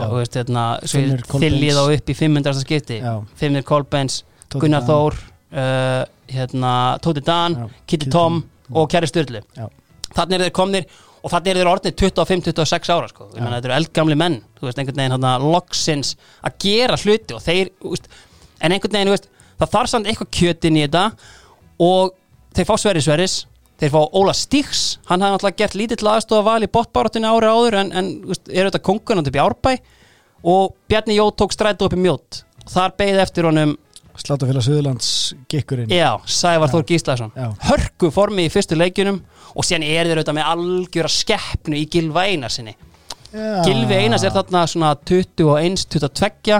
bara geggjaður í fyrstu deildinni en svona kannski aðeins út, ah, er hann fyrstu leikmaður? Nei, hann er það ekki hann er bara gjörsanlega að bossa miðina þarna Ok. og, og þeir eru bara með styrla lið einhvern veginn koma inn í tímabilið svona hafandi aldrei haldið sæti sinni í eftir deild sko þessi menn allir, Kitty Ok. Tom og þessi menn þeir hafa alltaf komið upp einhvern veginn, ráðið í fyrstdeldinni Já. einhvern veginn, að því svo erfitt einhvern veginn hvað sagði Sali? Það vantaði profa það bara vantaði allan profa og Já. hann færði með Sverri Sverris það er alveg morgunljóst sko uh, annars er einmitt, gamla bandið uh, toppslagur í loka umferð fyrsta þriðungs í Vesturbænum það sem fylkismenn mætu lokatölur 1-1, káeringar efstir með 13 stig og hann eru káeringar 4-1-1 en þú veist, talk of the town er bara djöfull er þetta fucking leðilegt maður Ok. ég er bara að mæta hérna í fyrstaskjólið og mesta gleðin sem ég fæ er hérna pizzan frá Dominos í hálfum sko. Það er bara, þú veist, sko, sérstaklega sko í þessum leik, þá er bara Pétur Pétur sagaður um heigulshátt. Bara, þú veist, hérna, þú veist, að því hvort- þeir sko hvort þeir eru manni fleiri eða eitthvað og eru að sækja sigurinn og þá er bara, þú veist, hvort hann hendi bara júrdallinu minna fyrir gumma bena eða bara, er hérna, virða punktinn, fjóri, einn, einn, við erum léttir. Og þeim fylgja í þriðasætinu Grindavík. Grindavík auðvitað náttúrulega hafa verið óvinir hérna spáinar hérna undanfærin ár. Og fyrir tímabilið að fá þeir inn Súpersöpin Sverri Þór Sverrisson ekki Sveppa Krull og Sveppa Dífuna og ekki bróður Eyjóls nei, heldur Sverri Þór Sverrisson körfuboltamann sem hafði þarna, mannstækjan kom alltaf inn að hjá Keflavík og var raðin mörgum. Bróðir Frey Sverrisson. Já, einmitt, takk Jón Langur Stegjálsson Já. hérna, og hann hérna, hafði farið til tindastóls þarna í einhvern smá tíma, mm. mataður að blöða þar í einhvern smá tíma og, hérna, og síðan fáir hann inn. Að þeir missa Gretar Hjartar um veturinn. Sko, sorry, en þetta er að verða annað Kitta Björns konundrum, sko, af því að er ekki Sverri Þór Sverrisson, bróðir Eyjóls væntalega frá til króknum? Króknum. Já, þú, þeir hafa báðir verið á króknum. Já. en heitir Sverri Sverrisson bróðir Eyjóls Sverri Þór Sverrisson. Nei, reyndar, það getur verið. Maður þarf eiginlega bara að faktteka það Æ, ég fæ þetta bara fokkin sveppa krull hérna. Við verðum bara að kalla eftir því Já. að fólk fari aðeins að vanda held- sig í nafnagiftum. Að hafa smá fjölbreytileiki í þessu. Algjörlega, þannig að þú veist einhvern veginn, þetta er Sverrir Þór körfuboltamaður. Ok, sem hafði farið á tindastól en er ekki þó Sverrir Sverrisson bróðir Eyjól sem er frá Söðakróki ok. Hann er komin hérna uh, Soran Djurits er hafsend sem að hérna, Milan Stefán sem er þetta þjálfarlið áfram sækir. Já, hann segir virkilega ánægða með hennar leikmann og ég heldur sem loksins búin að finna, minn, að finna mann til að taka við mínu hlutverki þetta er algjörlega geðveik lína. Já, við erum búin að vera að leita og leita að manni sem getur fyllt í mitt skarð. Ég held að sé komið núna þeir eru sko hérna, þeim, þeim er spáði í kjallaran sko en þeir eru að koma þarna mjög skemmtilega óvart. Stefán búin að drilla það þarna vel um veturinn og það er bara alls ekki að sjá að þeir hafi mist sko einn af langbæstu mönnum dildarinnar í Gretari Hjartar því að bara hinn er stigu upp og þar erum við náttúrulega með Skati hann, hann fór í aðdurumennsku Gretar Ég talaði yfir því þú varst að segja það, varst að segja það hann, Mm. Þeir mistu hann í aðdurumennsku Já, hann fór til Lilleström. Já, ok, ok. Einn af svona 500 Íslandingum í Lilleström á þessum tíma. Uh, Scott Ramsey uh, hann algjörlega stígur upp. Já. og, hérna, og sömu leiðis kötturinn Keli uh, Valdimar Kekits. Þú veist, þetta eru bara gauratni sem að leikulegsin snýst algjörlega í kringum Kekits og síðan er Ramsey bara að vinna í kringum hann eins og fluga já, talandi um flug Ramsey náttúrulega eftirminnilega mann setti ferðinni til Ólafsfjörðar þar sem hann neitaði að fljúa The non-flying, non, non-flying Scotsman. Alveg rétt já. Og þeir sett hann í leikbann og neituð að leifa hann að keira hann böðst til þess að keira herru, það, þeir settust bara niður til tímabil kaffibodli herru, þetta er bara frá. Þú, veist, þú flýgur bara ekkert meira. Þú ert the non-flying Scotsman Já. það er allt í góði og hann fer á Ólafsfjörð keirandi og keirir yfir liftur bara, ótrúlegu leikur þar. Svo að við toppin eru líka eigamenn uh, hundlegir, leðilegir skagamenn. Þeir eru grændandi 1-0 sigra á loka mínútunum og Brasiliumann að lausi keppluggingar sko, þeir hafa greinlega ætlað sér að vinna alla skartkipina tilbaka með einhvern svona stigabónus því að þeir eru alveg líka inn í þessu sko. Ok. restin er svona þú veist, eh, veist, það er ekkert eitthvað geðveikt hérna, dæmi í gangi ert kannski búin að skinja aðeins á þemanu að hérna, þetta er ekkert sérstaklega skemmtilegt hérna, skemmtileg knattspinna Nei. sem að er að leika þarna og það sem að gerist er það er sko krísufundur hjá Ritstjórn Devaf á þessum tíma uh, Eftir fyrsta þriðung já, bara veist, það eru sex eða sjöleiki búnir og það kemur bara heilsíðu fyrir, að bara, bara opna um bara hvað þetta er búið að vera ógeðslega leðilegt þeir hefðu alveg eins geta sagt sko haft fyrirsögnuna mörg takk en þeir ákvaði staðan að hafa sælir eru kjarklausir því þeir munu halda hreinu. Vá. eh, því þeir munu hreinu halda.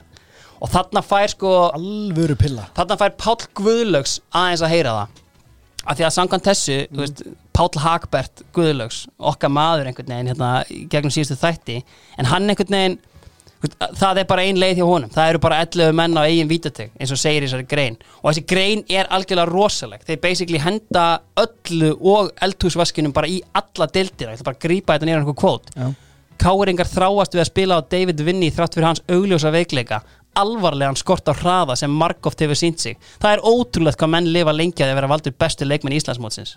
hver er að skrifa þetta? Höldum aðeins áfram. Breiðablík. Vonlaus vörn. Fóringi varnarnar er Andri Martinsson en það er langt síðan að hann hafði eitthvað fram að færa í íslenski knattspilni. Ha? Æ, sko, bittu Ofmetnir atvinnumenn það er svona undir Moli. Já Valur Fannar Gíslason, Þorbjörn Alli Seinsson, Kristófer Sigurgeirsson, Haukur Ingi Guðnason og Gunnar Einarsson komu allir heim eftir misefnaða dvöl Erlendis og ef miður tekið að framistöðu þeirri sumar má telja með ólíkindum að þessir menn skuli einhver tíman haft atvinna á því að spila knatspinnu. Sömu sögur er að segja, eða sérstaklega sömu er að segja hérna, Hauki Inga og Gunnar Einars þeir hafa nákvæmlega ekkert getað spilað illa og hvorugur að sæti í slöku byrjunarliði K.R. Þú spurði mig hver skrifaði þetta Já. Það er bara, úst, það er bara afdráttarlöst skrifa reitstjórn DFF eða íþróttadeild Já, það, það, DFF það er nafnleysi. Ég ætla bara að slaða í föstu að ég hef á lífsleið minni deilt háalofti með manninum sem skrifaði þessa grein sko. Við erum að tala um, hann er bara mættur heim. Ég held að sko, sko, hann, hann er í aðtunum, nei. Nei, hann er komin heim sko. ég held að sé pott þetta Óskar Rapp hefur skrifað þessa grein sko. Þetta sko þetta hann hefur bara verið að horfa á þetta. Úst, við vitum bara hvaða mann hann hefur að geima Hún er misbýr. Fyrir hvað hann stendur. Hún er bara kjössalega misbýður þetta. Og bara, herðu, hérna, Óskar þú, þú- Óskar Ófegur þarf að segja. Þú verður bara að hleypa mér hérna í bara, ég þarf að fá heilsíðu. Þú veist, þetta er sko, veist og ég einhvern veginn þegar ég var að lesa þetta ég bara, veist, heyrðu, á ég bara að nenna að fara yfir þetta tímabilið að gefa sér sísón einhvern gaum Lestu aftur hérna eftir David Vinny sem kom eftir því, það var eitthvað Já, afdráttuleysasta breyðablik, bandstrik, vonlaus vörd Fóringi varnarnar er Andri Martinsson en það er langt síðan hann hafði eitthvað fram að færa í íslenski knattbyrnu Það er alveg tótt þessu þegar þú ert búin að setja smá andlit fyrir mig sko, Já, já. þá, þá heyri ég þetta bara þannig sko. Já, en hérna Er það frekja? þetta er svona minnum hann á hérna, þegar hann kom sem stormsveipur inn í umræðina Já, særði valsar ég hérna, þú veist, Óskar átt að hlusta mátt endilega hérna neita því að skrifa þetta. Ég bara mun ekki trúa því sko. Þú veist, hérna, þetta væri hérna ég bara, þú veist, en þetta er algjörlega losaðið, allan að, þú veist, hérna sko, við eiginlega verðum bara hérna við verðum eiginlega bara að taka smá hálfleik hérna í hérna bóði við bara aðeins að pása og hérna, og þú veist, hérna Ná kom áttum. aftur, kom aftur Hálfleikurinn er í bóði lengunar Já, ég þarf eiginlega að vera alveg heiðalegu við þig. Nú. og ég, ég held ég hef ekki tippað á lengjunni í svona 12 ár. Bara síðan þú varst átt í sjoppu eða? Já, sko með ég, blíjandinn já, ég hef aldrei einhvern veginn þú veist, kom mér inn í þessa veðmála menningu. Er svo margir gaurar á okkar aldrei sem er endalist eitthvað að betta hér og þar og hvað þessar síður allar heita. Mm Mér fannst alltaf langmesti sjarminn í því maður átti erind út í sjoppu hvað sem maður var að gera Já. og að taka bara seðil. Eitt longshot seðil, eitt svona sem gæti alveg dottið. Ég man ekki hvað það þurfti að vera sex leikir eða eitthvað sem það þurfti að vera á þessu og eitthvað svo leiðis Það sem þú gerir núna er að þú tekur upp símaðinn þú ferði í App Store eða Android eða Play Store og þú sækir appið. Ok, þú bara græjar þetta þannig Heitir það bara Lengjan? Já, já, bara lengjan. Og það ertu bara komið með þetta við erum bara í og þetta er bara sama upplifin og gætir allt eins verið út í sjoppi þú bara, þú veist, þú ert ekki í sjoppunni þú ert bara heima hjá þér. Jæja, annað þriðangur Eftir þessa grein framarar tóku þetta til sín. Bara, þú veist, er þetta gengur ekki? Þeir sækja þetta ungan Dana Ronny Petersen og hann mætti bara til leiks og fór að raða inn. Hann bara er komin hann með einhver fjögur mörk í fjórun leikjum og það hjálpar fram hins vegar ekki neitt. Engir sigrar þú veist. En einhver von samt komin hjá miklu G að einhvern veginn lit, litlu T, ekki GBN að hérna, þú veist mögulega getur Ronny hérna bjargað einhverju fyrir okkur. En almennt er, þú veist, svona mikið jafnbræði dildinni Káur og Grindaði gerðu jafntefli í leik þar sem að það var eins og Pétur Pétur segði bara lesi greina frá DFF og kannski alvarlega hugsaði sem gang. Hann hendi David Vinny út úr hóp. Ok, og hann fyrir 3-4-3 með GBN, Andra Sigþós og Haug Inga, Einsadan og Sissa Júl alla inná wow. þetta, þú veist, einhvern veginn hérna, kannski hans svar, þú veist, Óskar hefur kannski bara ringt í hann, eða sá sem að skrifa þessa grein eh, hérna, og fari kannski aðeins yfir þetta með honum. Uh, fylgismenn náðu ekki að nýta sér það uh, að því að sérst, þetta hérna, jafntefli við grindaði, því að þeir gerðu jafntefli við Keflavík. Það sem Páll Guðlásson hefði greinilega ekki lesið greinina og pakkaði bara í vörð og, og þarna eru sko hérna tveir heitustu leikmenn deildarnar uh, er í aðalhuturkum með þessum leik. Sko markaðasti maður deildarnar hérna þegar hér er komið með sögu er, á, er sko áðurnefndur leikmaður. Hann er í Dominastríónu, Ási sagði bara ræða takk, Já. hann er búin að gera mikið fyrir mitt bæjarfélag, Seldanes uh, Gummi Steinars. Veist, bara smá um Gumma hérna, þetta er algjörlega hans breakout season í deildinni. 21 árs, komin á áðan hafði verið í Káa sko, PG, Pál Guðlaug sá þarna bara, ég er með einhverja skeppni hérna. Og hann er bara bæði að skora og leggja upp bara non-stop. Og ég held smá að Gummi Steinars þyrti aðeins meiri ást bara svona í sögulegu samhengi sko. Já, hann er með 81 mark í deild veist, skorandi fyrir mörk fyrir lið sem að er í rauninni ekki að gera neitt í deildinni. Hvað er hann búinn að vera? Ég, ég sé hann bara í keflaðið já, já, að tala um á þessum Já. bara í káa á Nei, láni nei, nei sinni. bara, sí, bara síðan því að tala um 81 marki ástu deild skilur bara í keflaðik Já, já, já, og ok. hvort hann á eitt mark fyrir fram eða eitthvað, þetta hálfa sísón Já, þú meina skorandi fyrir keflavíkulið sem er ekki að gera Já, það, já, ég Keflavíkulið er ekki að gera neitt, er að vinna byggartitla hér og þar, challenge þarna eitt ára á titili, meirum það síðar og en þú veist, 81 mark fyrir lið þessari stöðu er. Matt Letitia er dæmi algjörlega, þú veist, og ég meina, og talandum bara, veist, ég held að við höfum aldrei séð, já, góðan vinstrifót í dildinni, sko. Þetta er bara lasið og bara, ég hérna, gaurar sem að, veist, hann er að, þjálfa í dag og bara, hann er ennþá bara klínandunum á æfingum, Þetta, sko. þetta er ennþá sproti Bara, þú veist, algjörlega Wand geðveik. of a left foot Og, veist, ég ætla bara að spoila, Keflag skoraði 21 mark þetta sumar. Pál Guðlaugs, já, já. Gummi skoraði 14 og lagði upp fjögur. Vá Það er átján af 21 Já, Hvað er í gangi eiginlega? En hinn leikmann sem er sjóandi heitur er Gilvi Einars uh, Kom inn á hann áðan 78 mótil, hann er 22 ára Og ég bara einhvern veginn registreraði ekki hann gaur Fyrir en hann móti Ítalíu. Emitt 2004 En veist, ég held bara einhvern veginn Já, hvaðan er þessi gæja að koma? Veist, ég man ekkert eftir hann á Íslandi nýjára og Valur eru ekki efstu deild, einhvern veginn kannski ekki alveg hérna með á nótunum. En hann er bara ræðandi mörgum, hann er bara komið með sjö mörg í sjö leikjum. Óójóð, Óskar Ófegur hann er svona að reyna að kóina nýjan frasa. Ok.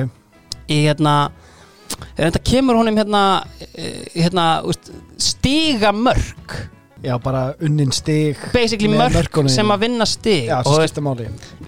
ekkert að þessu veist, ef Gummi Ben var að púla þetta í Pepsi-markinu í dag og eru allar kaffistofur landsins stút fullar af gómum að tala um stigamörk sko. Ég, ég, ég hef oft, sko, mitt vandamál við þetta er oft, sko, það er ekki tekið inn í það hvernig leikur þróast. Þannig að þú þú ert að taka til greina mark þú þú, þú kemst í 3-0 og tapar sér niður í 3-2 er bara seinasta markið mark sem, við skoðum meina? Mm, Já, ég skilði þig sko en, þú veist, markið sem skilur að.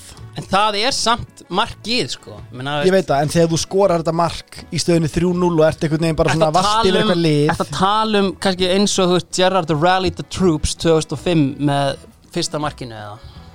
Já, til dæmis sem en- að en bara telur svona- ekki sem stigamark. Nákvæmlega, Já. það, það er hinn hliðin á þessu, það sem Já, ég er já. að meina þú veist, ef, ef þetta er stigamark, það er svo erfitt að greina það, þú veist, að því að fyrir mér er sko raunverulegt klöts sem þetta á að vera að mæla Já, það er í mómentinu. Þú veist, þannig að þú ert að skora markið sem að tók við úr jafnri stöðu yfir í sigurstöðu. Og þetta er náttúrulega engungu huglegt mat það sem þú ert að tala um. Er það ekki? Nei, ég veist, Ég meina hvað af því að, því að þetta eru, færri mörg Já. heldur en við erum að tala um, ég meina, þú veist, ef, þú ert, ef staðan er 0-0 Já, og þú skora fyrsta markið já, þá ert að taka liðið úr jafnri stöðu yfir í sigurstöðu Ok. af hverju það mark að telja minna ef að leikurinn endar 3-2 heldur en þegar þú kemst í Já. 3-0 og þú skoraðir þriðja markið með einhverju poti þegar hitliðið var alveg bara að gefast upp, svo geraði eitthvað skiptingar koma tilbaka 3-2 en markið sem var skorað þegar liðið þitt var með algjöra yfirburði og var einhvern veginn að, að kremja anstæðingin það er að gefa þér einhver klötsstig Mhm. þegar gæðin sem skoraði fyrsta markið þegar leikurinn var í játnum Ég skil, skil hvað þetta fara en þetta verður svona auka þáttur hérna En- í bóði en- svona var sömarið það sem ég er að meina með þessi er bara stegamörk er drasl tölfræði þáttur sem að ég tek ekkert mark á af því að hann tekur ekkert mið af leiknum. Viltu fá drasl tölfræði þátt? Það var hitt dæmið sem Óskar Ófjör reynda að koma með. Það var martraðar hotnið Og þess að þá tók hann saman öll mörkin sem hefur verið skoruð og hvar þau voru skoruð. Og þess að hvar menn eru veikastir á markinu sjálf Já, hægra hotnið uh, Sko, ég held að sko mesta var eitthvað Gulli Gull hafi fengið á sig einhver glórulausan fjölda marka í hægra hotnið og martraðar hotn Gunnleifs Gunnleifssonar var fyrir sögnin sko. Ótrúlega gæði þetta er eitthvað svona súlandir Við þurfum bara að fá Óskar Ófi einhvern tíma bara á lína bara, Já, veist, hva, Vastu bara heima hjá þér með pennan upp í kjaftinum bara martraðar hotnið sko, ég, ég vil bara svo að því bara svo því sýttir haldið til haga. Ég ber ómælda virðingu fyrir þessum manni. Bara það sem hann hefur gert Já, fyrir já. íslenska knattspynnu með því að nenna mörgu af því sem hann gerir. Guð minn almáttur, já. Bara hann, á, Hann var á ekkert enn á alla virðingu. væskátt að gera Nei. þetta skilur Hann var bara með teipið hann örgla bjóð til sín eigin gögn Já. og vann svo eitthvað upp úr þeim. Algjörlega. Sko, uh, Káringa gera svo jafntefli við IPVAF í næsta leik. Uh, Eyjamenn, jafnteflis kongar voru 2-5-1 þarna Sko, ef leiftursmenn áttu erfitt uppdráttar í útlendingum þá voru Eyjamenn í góðum uppdrætti ok, Já, Segðu- góðum uppdrætti Ég held það. Sko, þeir fengu fyrir tímabilið uh, Júkoslava Mómir Mileta og ég bara heyri það á nafninu Hann er geggjaður. Þetta er bara geggjaður Já. gæði og hann er út í getan endi sem stóðsendinga kongur eða eitthvað svoleiðis En, uh, algjör himnasending að því að Stengrimu Jó verið staðins vera kóluna Hmm. Maður sem er svona semi-anstæðan við Harry Kane Já. skora bara í upphæðu móts hann var bara ekki búin að skora neitt. Veist, hafði allt, hérna, byrjar alltaf tímabilið á algjör sprengi. Munum þetta hafa komið með sko, veist, uh, bara markamæti var að fara að falla það var komið með 12 mörk í 10 leikjum og hérna, 98 eitthvað svo leiðis en það er bara algjörlega slokna á honum og hann var bara komin á bekkin þegar hér er komið sögu sko. þessi úslit Káeringa og IPVAF þýða hins vegar að spútnikliðið og einu ósigri lið deildarinn að grinda ykkur fylgjar áttu sjensa að komast á toppin fylgismenn þess, í ymbirist sko. Fylgismenn stjórnuði ferðinni frá A til Ö. Uh, sangja 2-0 sigur með mörgum frá Kitta Tom og síðasta leikmannunum í, í Dominos tríónu ég tala á hann um Gilva Einars hérna, veist, einhvern veginn kemur eins og stormsveipurinn en það er annar ungur og efnilegur hérna, Helgi Valur Danielsson já, sko farða aðeins með mér bara yfir mekanisman sem er Helgi Valur Danielsson því líki íþróttamaðurinn. Er hann ekki líka eitthvað bara einhver heili, ég með hann er efnafræðingur held ég.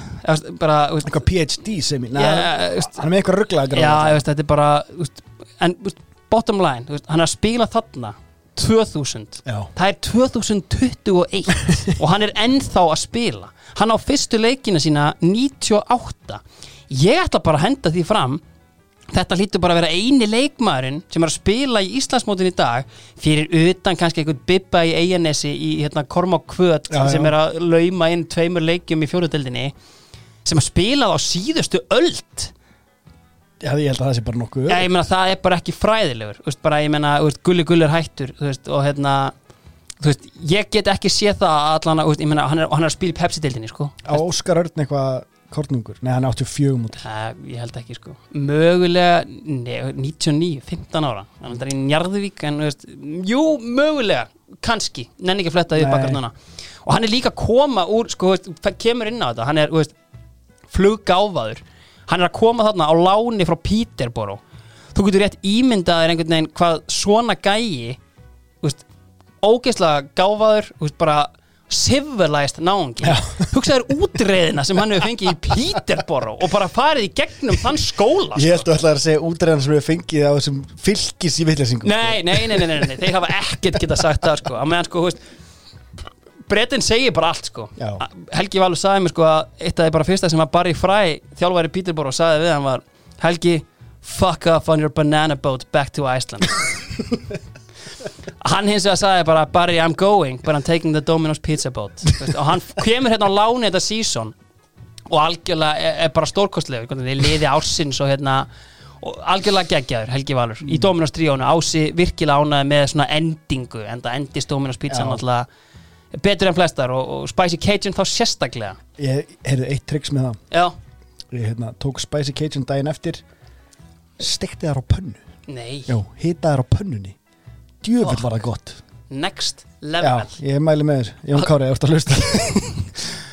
Sko eigamenn, þeir samt hlustuðu líka á Óskar Rapp, þeir vildu fá kannski aðeins meira bit og náttúrulega stengrimur hættur að skora. Þeir fá heim einn af okkar dáðustu svonum Titt, Tómas Inga. Ok, Hann kemur hérna heim, hafi verið hjá AGF frá því hann hérna reið húsum hérna með falliði þróttar 98 já, sko 14 mörg í falliði. Ég held að hljóta að vera með já.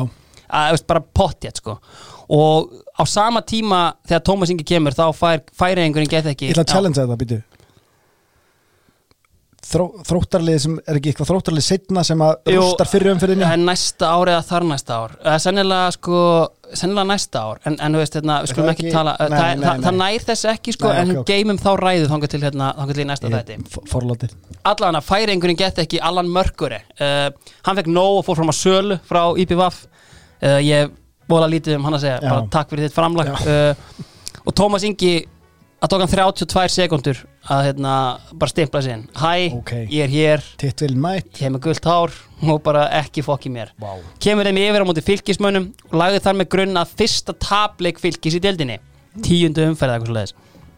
2-3 Hlynur Stef með sigumarkið Hlynur Stef, eldgamall heimaklettur Já. en þá í sturluðu formi og búin að vera geggjaður þetta sísón botbaráttan, það er augljóst hvert stefnir. Stjarnan og leiftur get ekki keift sér sigur. Leiftur keiftur, það er búið. Þeir eru ekki svona að kaupa sér sigra. Ok. Þeir eiga reyndan einhver að leikja inni því að þeir eru í Evrópa-æventýri meira en það síðar. Leftur svo skítapa fyrir fram uh, Ronny Petersen. The Ronny Petersen Show Já. bara þessi leikur kallaður. Ólafsfjörðarmöllur, sko, talandum þessi leiðilegu heit og allt það. Ólafsfjörðarmöllur, þar var stemmingin. Meðalskori eftir 11 leiki í deildinni almennt úst, var 2,47 mörg í leik. Ok. Á Ólafsfjörði voru 5,2 í leik. Til dæmis sko voru skoruð 8 mörg í leik leifturs og fylgis því meður skoruð leiftir bara 1 í 1-7 tapi. Þannig að veist, við sjáum alveg hvar Jens var going wrong Já. hérna, veist, veginn. Þetta var ekki alveg að ganga hérna, kannski í varnarleikurinn Hann, já, hann, það var of mikið að pæla í að orkestrera vörnina einhvern veginn og að þjálfa alla hina sko. Algjörlega, bóttbártunni eru líka blikar. Uh, förum aðeins inn á blika hérna núna, þú veist að veltaði fyrir hvað var í gangi þú veist, þeir eru svona, veist, þeir eru eina liði sem er einhverju hættu að sogast niður, veist, þeir tóku að einhverju smá risp og komið sér unnu, töpu náttúrulega einhverju sex leikjum í röðu eða eitthvað. Þeir fengu náttúrulega Andra Martinsson en það var náttúrulega langt síðan hann hafði eitthvað fram að færa í íslenska knallbyrnu eins, og við erum- eins og við erum búin að læra. Uh, þeir fá líka taktíska séni Arnar Hallsson. Uh, já, já, já, hann hafði auðvitað enda tímabilið að láta reka sig út á móti fram uh, sem ég glemdi einhvern að minnast á þarna í yfirferðin á síðasta þætti. Al kenni honum algjörlega um hérna, þetta hrun valsmanna. Já, síðan fá þeir hérna mann sem heitir Karl Finnbúason og Georg Birgisson það verður ekki minnst meira á þá í þessum þætti. Jay Boons, nýsjálinga undrið, hann fór aftur heim. Já. Vi, Við vorum sammála um búnsið Ég er alltaf, alltaf ekki að breyta því Þú sko. fegst enga móla um það? Nei, nei, nei, nei, það var enginn sem kommentaði neitt á það sko. sko þeir fengu Kana í liðið sem Það er hétt í geðveika nafni Robert Russell. Og hann var ágætlega lungin sko, hann var að skila einhverju sko, en, en menniti sem halda þessu gangandi eru Atli Knútsson og Erki óvinni minn Marel Baldvinsson. Uh, eins og ég segi, Marel er Erki óvinni minn og hérna, þú veist, svo sem ekkert meir um hann að segja en, veist, en hann er að raða inn hann og veist, algjörlega svona hvort er vinna liftur aftur í einhver svona kveðjuleik Marels 5-0 hvort að Atli Knúts leggur ekki aftur upp mark, hann lagði upp þrjú mörk í deildin þetta tímabil. En eigamenn, Tómas Ingi kveikir vel í þeim. Er að þjálfa blikana, sorry? Að þjálfa blikana Siggi Gretars, ennþá Já, Siggi Gretas er enda með liðið. ok. Hann er að þjálfa þá hann uh, Eyjamenn vöknuðu með tilkomu Tómasar Inga þess að vorum að fara inn á. Þeir unnu framara 6-1 Mestu munaði þar ekki um Tómas Inga Því að sko Alan Mörkuri Hann gafst upp. Stengurum með Jó eldist. Hann er mættur aftur. Ok, Það er þrenna. 12 fyrir búnar. Þá eru svona 4-5 lið í pakkanum. Var ekki talað um það nefndir það ekki í sér það er svona langt sér við verum í þáttina Já, maður, já. maður, ég er bara hrættur um að maður sé að endurtaka sig. Já. en var ekki talað um að mörguri væri svo leiðinlegur? Var það ekki, var það eitthvað annar? Þegar þú segir það sko uh, Nei, nei, það var ekki Alan Mörkuri Það var Jens Pastlak. Ah, maðurinn sem að yfirgaf eigamenn og létti yfir öll hann hefði trúið þessi titilin hann það var hann sko, sá sköllótti skelfir. Sko, áður við förum í þetta við lok annars triðjóngs fylgir á toppnum með leik til góða með 22 stig, þeir eru búin að slá eigi stiga með í efstu deild. Ok, K.R. er með 21, Grindag 20 og eigamenn líka með 20 en þeir eru samt búin með 13 leiki. Sko, uh, áður við förum í, í klæmaksið og, og byggarinn uh, þá erum við hér. Oh, og með okkur að sjálfsögðu eins og annarlega eru skólprinsun Áskers Orri, hvað gera þeir? þeir uh, myndarlagnir með þetta ástandi Já, ekki eitthvað eitt í viðbót segir að gera þeir uh, eða er það bara mynda ástand og já, það, eru me- ástand og mynda lagnir? Já. ég, ég, sko ég nýtti fríð og fór aðeins á stúana uh, ég kynnti mig bara aðeins losa stíplur Já, losa stíplur, alveg rétt. Mynda lagnir, meta ástand og losa stíplur Já. Og það gerir heldur betur. Ég, eins og ég, ég dýpdæfa aðeins á það hérna í fríinu Og þetta er auðvitað bara yfirburða fyrirtæki í þessum bransa Og það sem við gera best Frétti ég, allt frá dögum geira stíplu Bara original áskil seniorinn. Það hafði sérhæft sig í að mynda minnstu rörin og lagnirnar í bransanum. Já, ef þú ert með eitthvað pínu lítið rör eða pínu litla lögn þá ringir þú bara í eitt fyrirtæki og það er bara allræmt sko. já, já, bara til að staðfesta þessa frásögnina þá hérna, þurfti ég að halda um daginn og ég heyri í, í mínu manni. Garðari Gunnari Já. og hann mætir á svæðið Varstu með pínu litla lögn eða?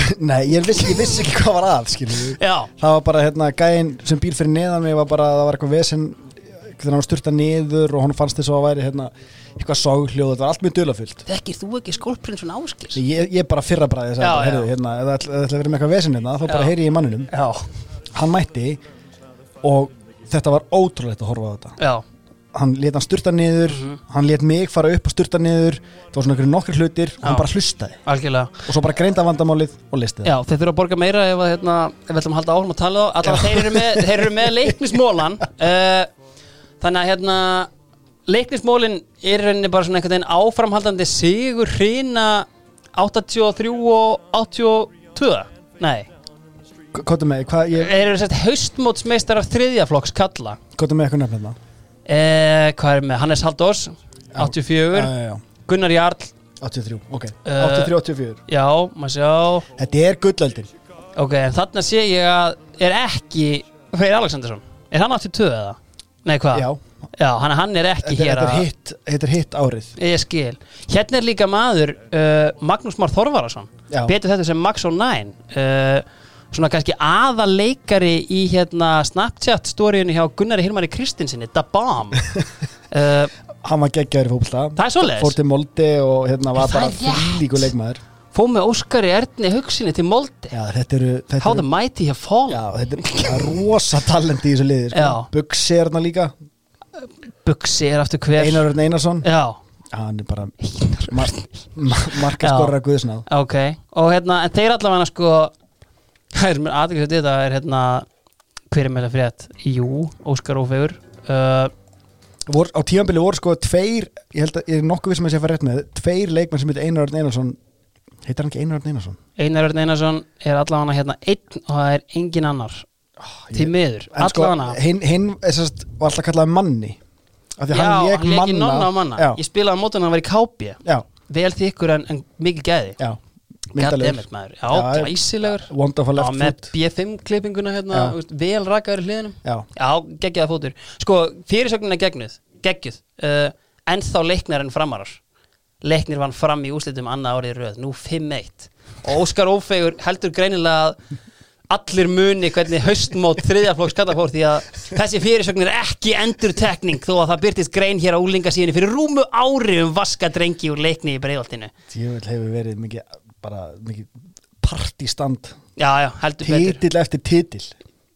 Er þetta ekki bara svona, er þetta ekki bara byggaskápurinn upp í leikni eða? Þetta, Jú, nokkri prúðasta liðskildir á selvbóttunum Nei, algjörlega. Nei, og það er Reykjavík á mót og það er, það er fyrsta dildinn og...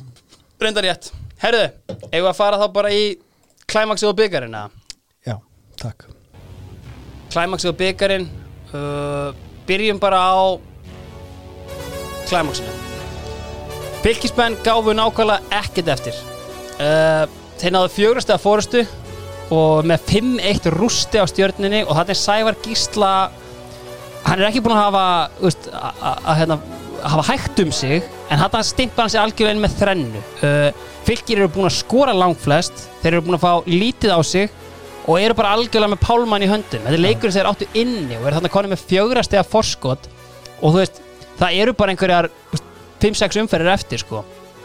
Uh, einhverju hluta vegna ég veit ekki hvort það var greinin hjá Óskari Hrafni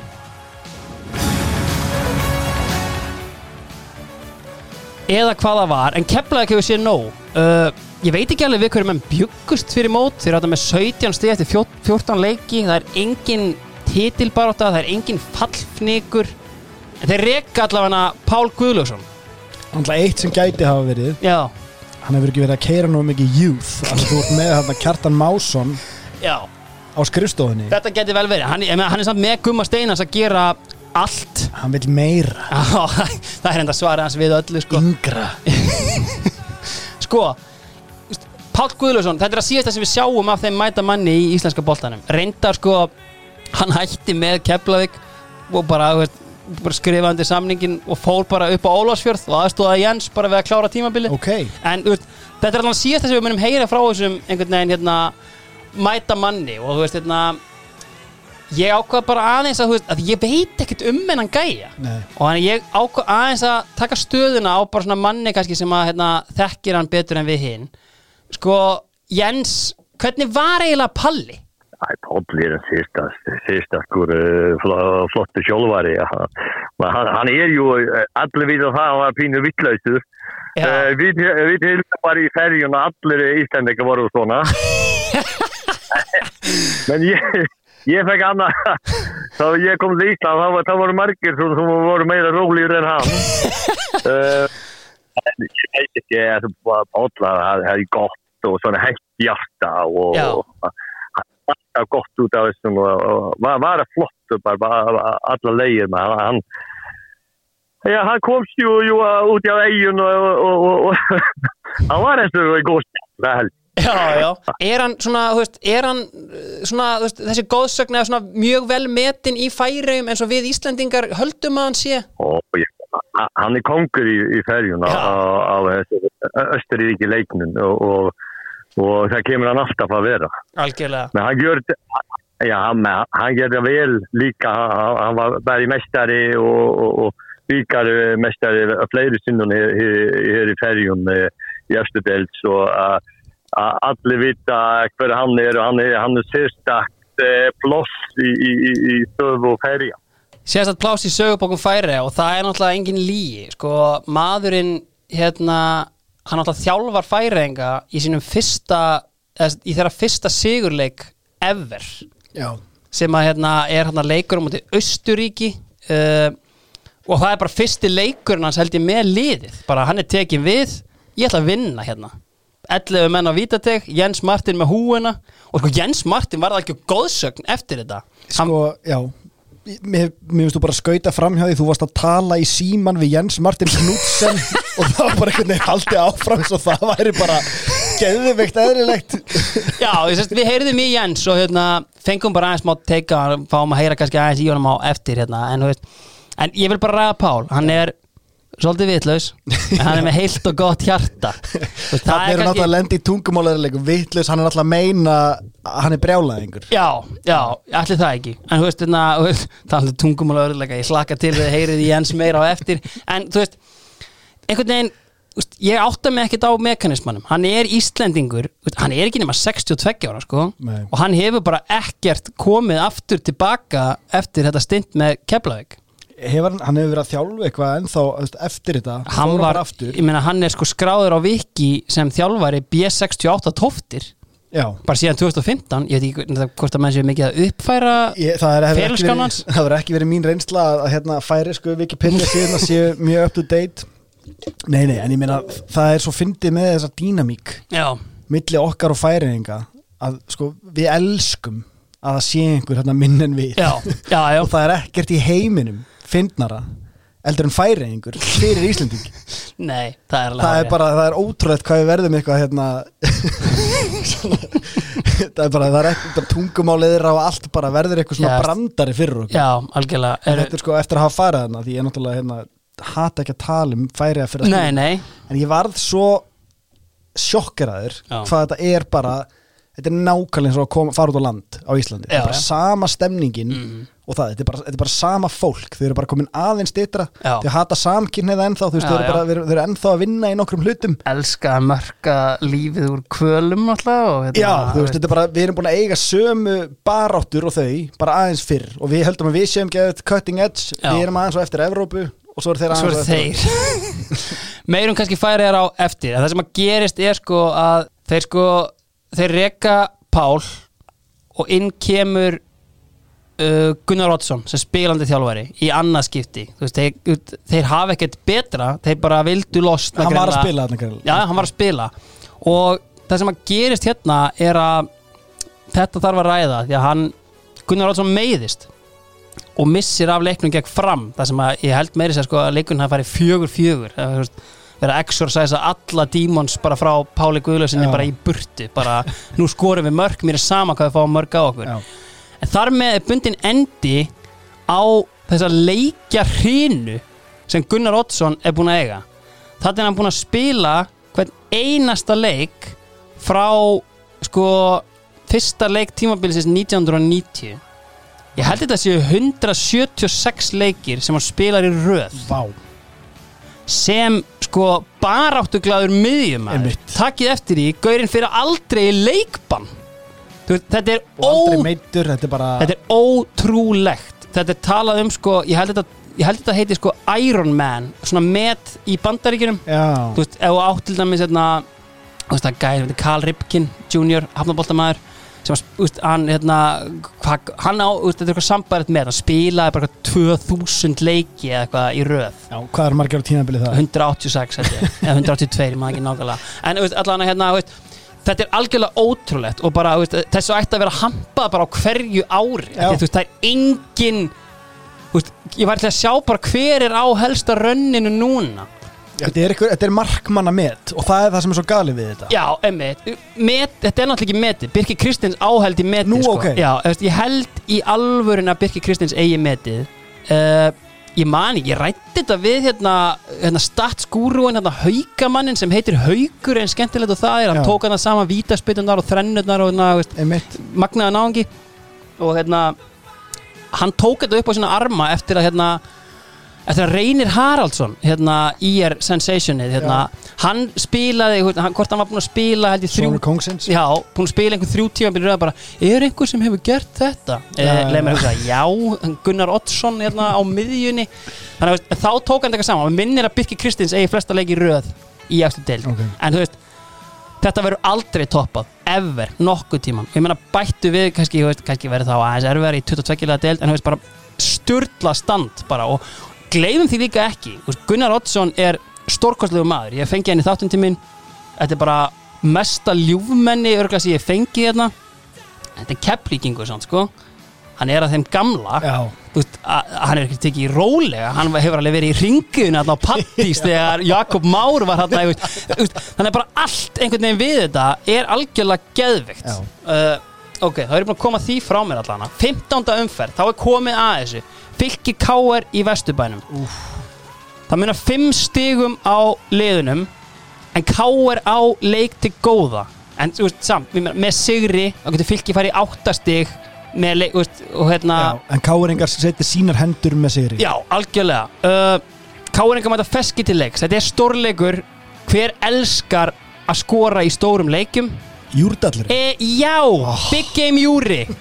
Bara, þú veist Gæin elskar stóra leiki. Stangar hann inn 1-0 í hálfleik. Bjarni Jólætur aðeins heyri sér í hálfleik Og Cult Legend Kitty Tom Hann jafna leikin Og það er lítið að gerast. Pétur Péturs veit að jafntefli gerir ekkert fyrir þá. Þannig hann fer í fyrsta skipt á tímanbylunu aðeins að hugsa sóknarlega. Hendir hauginn á í leita sigrinum. 3-4-3 já, haugur viðs fjarrri uh, en lang, lang besti leikmaður Káar þetta sumar, Andri Sigþórsson hann hendir í vinnerinn, 2-1 sigur og Káar eru algjörlega komni með þetta í sínar hendur. Því að leikurinn sem Káaringar eiga inni hann er gegn leiftri Ah. þannig að veist, Páll er mættur þarna en það er ekki, held ég að hérna, þannig að veist, þetta er algjörlega komið í hendunar á Káar En var, þessi leikur var í Vesturbænum? Leikurinn í Vesturbænum, já, fyrir leikurinn í Árbænum 1-1 Já, en, En- þe þeir eru orðin svo vanir því að fá svona leiki. Algjörlega, ég meina við getum algjörlega að fara þetta. 96 upp á Skaga 97 þá spilaði leik við IPVAF um svona að vera með algjörlega í toppartna, kannski ekki alveg ústættarleikur en úst, klárlega um það. 98, hreitt ústættarleikur Já. 99 eh, kannski ekki hreitt ústættarleikur en, en þú veist Mikið undir undir já, á móti IPVAF að vinna 3-0, GBN klúrar hérna víti eins og hann meinu með lægið en, en veist, og síðan árið þú veist, 2000, þá komið með 5 ári röð. Já. þeir þekka þetta algjörlega. Já. það er greinilega alveg hérna það er alveg klárt mál, klárum bara toppbártuna og henni fer í botbártuna, hún var líka helviti spennandi. Umferð 16 fylgismenn vinna stjörnuna öruglega heima. Gilvi Einars og Theodor Óskarsson koma með 2-0 eftir 5 minútur, case closed. Sævar Þór bæti við og tankurinn Sverri Sverrisson, uh, 4-0 Káur fyrir sinnleik við Grindavík vitandi þetta. Þarna eru Grindavík á einhverju glórulösu heimaleikja rönni, að þessi leikur er alls ekkert gefin sko. Ok. uh, 0-0 í hálfleik en snemma í setni hálfleik þá missir Keli algjörlega hausinn. Slær til Bjarnar Þorsteinssonar í Káur, red card. Og ég ætla ekki að segja að Pétur Péturs hafi hendi sóknarskiptingar strax allavega, hann býður aðeins og sér það er bara sem Pétur Péturs gerir. Og hann hægt og rólega sallar aðeins á. Hann er svona hendin skilabóðum hér og þar. Strakar, framar aðeins framar. Og það sem hann gerir er að hann hendir Michael Renfram inn á. Þetta er gaur sem kom til leysins í byrjun ágúst með sko, ég ætla bara að segja klikkaðan bakgrunn, hann búin að eiga tvö bara fín tímabil með Neck Nýmegen bara í efstu deild í Hollandi. Fekk voðalega lítið að spila hérna en þú veist bara geggja sífi og þú veist, Ok. ég ákvaða hérna ég hendi línum út um Vesturbæin og bara svona, þú veist, menn sem spiluðu með hann bara, hver er þetta eiginlega, var þessi góður? Að því bara, impressive CV og bara fekk frá tveimum mönnum bara þetta kemur að svolítið tóm kóanum þetta er einn af fáum erlendur leikmennum sem ég man ekkert eftir, Ok. en mér minnir hann hafi verið viðkunnarlegur en það veist, engin, ekki, engin talaði um einhver massíf gæði eða eitthvað En í, hvað, í hvaða aðstæðum er þeir að fá hann? Er þetta bara, þú veist, við þurfum að pússa aðeins hérna til þess að Já, og veist, náttúrulega Haukur Ingi er ekki að gera neitt veist, það er bara held ég, þú veist, einhvern veginn og þú veist, þeir fá hann hérna í júliglöggunum bara rétt fyrir lokin Haukur Ingi á að replacea Bjarka Já, gerir það ekki. Vantar aðeins upp á Já, og bara einhvern veginn svona aðeins að keira upp einhverja geðveiki kannski, Já. fá inn rennframinn og hérna, en hann er búin að vera inn á í sko, fimm mínútur þegar hann tryggir káar sigurinn á 70.50 mínútu og bara algjörlega bjargar veist, bara, veist, heldur þessu í höndunum á káar hérna er þeir einu stíu eftir fylki uh, IBF pakka saman blikum og þeir halda sér einhvern veginn inn í þessu uh, Stengri með Jósetur félagsmet og þeir markaði eftir leikmaður IBF ég ætla að leiða mér hann hlýtur bara auðvitað ennþá mögulega tryggvi hérna í endurkominni. Mm. en það voru samt bara veist, kannski, já, veist, mögulega tryggvi en ég, ég held að hann geti alveg vel um, endilega leiðrætta mig hérna, með þetta. Sko hann að við erum með þrjúlið er samt eiginlega ekkert í þessu en þeir, tölfræðilega eru þeir ennþá í þessu tveir leikir eftir. 17. umferð það eru tveir Hvernig er stiga fjöldinn á þessum þreymur bara þarna eru fylgismenn með hérna, stíi meira. Uh, þeir eiga ennþá hennan hérna leik inni káer á móti leiftri uh, og hérna þarf að faktseka þetta en, en þú veist man ekki hvort þeir eru búin að klára hann en allan að sko, ég er hérna með punta niður sko, annað sæti gegn þriðja, IBF káer og fyrsta sæti móti fjóruða, já. Grindavík ég held 17. Já, Já. ég held að þeir séu ekki búinir að spila hann leik við leftur sko. Ok. þannig að fylkismenn eru ennþá á toppnum en þú veist, Káur er að leikti góða Káur vinna enn einn unspectacular sigurinn Ok. sjálfsmark 1-0 fylkir tapar í Grindavík. Grindavík bara hendi aftur í bara heimaleikjarönni sitt. Já. erfitt tap hérna fyrir hérna, fyrir Káur en veist, bara vinna sér í gang. Tvö mörk frá hverjum öðrum. Óli Stefán Fló Ventsson. Í 2-1 sýri, Gilvi Einars klóraði bakkan seitt í leiknum, þetta er, áttu, er algjörlega koksið þarna. Ok. Og í rauninni, út, káeringar aftur koni með þetta einhvern veginn út, og eru bara með þetta í sínum höndum sorry, þeir eru, herðu herðu, jú, ég man þetta. Eftir leikinu mútið fylki þá mætaði leiftri 0-0 á Ólafsfjörðavelli hver er mættur? Páll Guðlaugsson. Já. Jens, þú setur 11 leikmenn á vítaþegslínuna og við bara höldum hérna. Búið að skora 5 mörka meðaltali á þessum velli, við erum hættir því núna. 0-0 jafntefli og sko stöðnismenn K.R.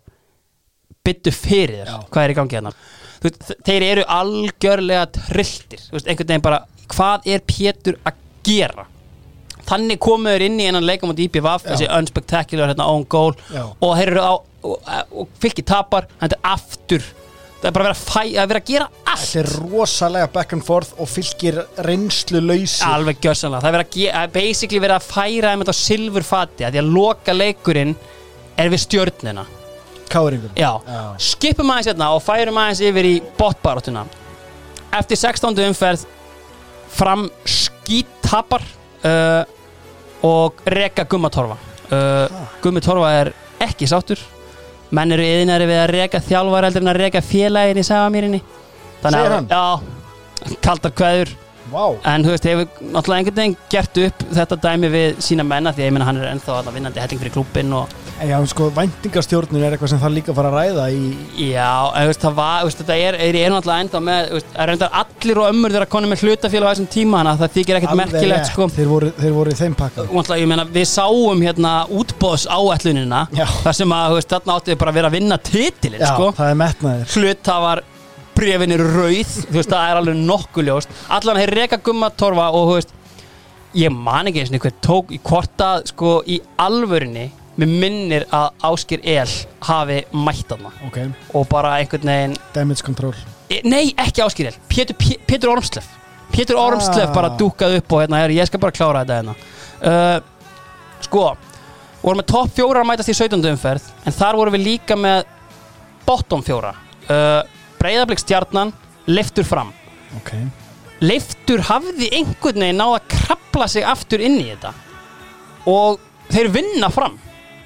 Leiftur voru úst, þarna er þeir að henda sér sko í 13 stig og með tölfræðilega möguleika að bjarga sér en samt eiginlega alls ekki út af einhverju hörmulegri markatölu.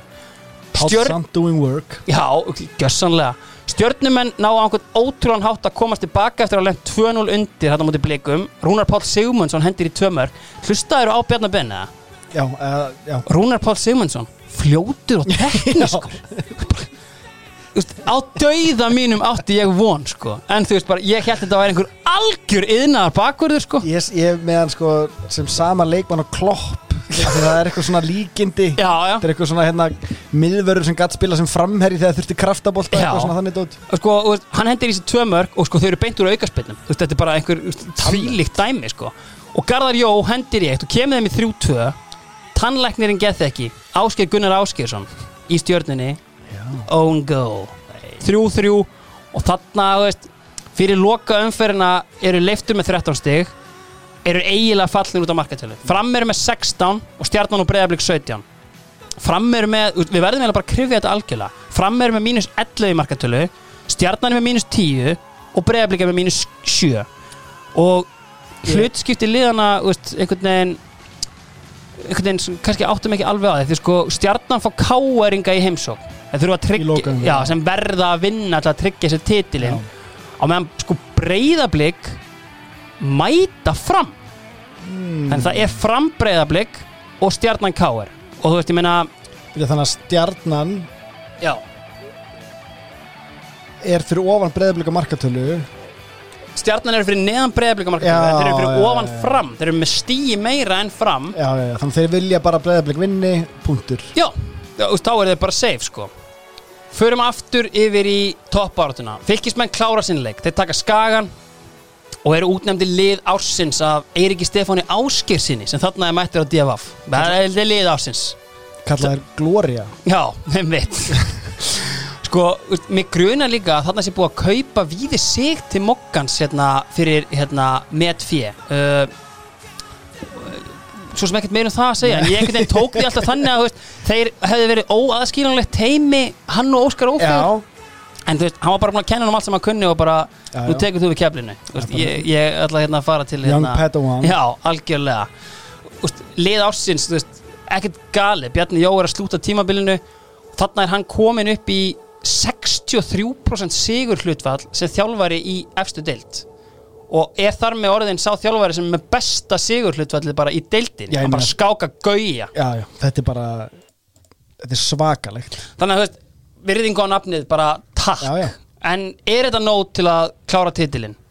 Í Garðabænum Bóban nokkur Ristits. Kemur stjörnumunum yfir eftir tímjönda leik. Bóban Ristits var gangaverður í garðaskóla þegar ég var þar. Það er svoleiðis. Mikill, mikill mist Já, og þarna er hann bara að fara að halda stjörnunu uppi. Og Káering, þú getur rétt ímyndaðir stuðningsmennina. Var þetta í garðabænum? Nei, já, í Garðabænum, Já. á Samsung-vellinum Það sem að, þú veist, stjarnan þannig er þeir bara, við ætlum að halda okkur í deildinni. Við ætlum bara Já. Ég hef ekki tíma fyrir það að Káar lifti dollinni Þeir eiga hana bara ekki skilið.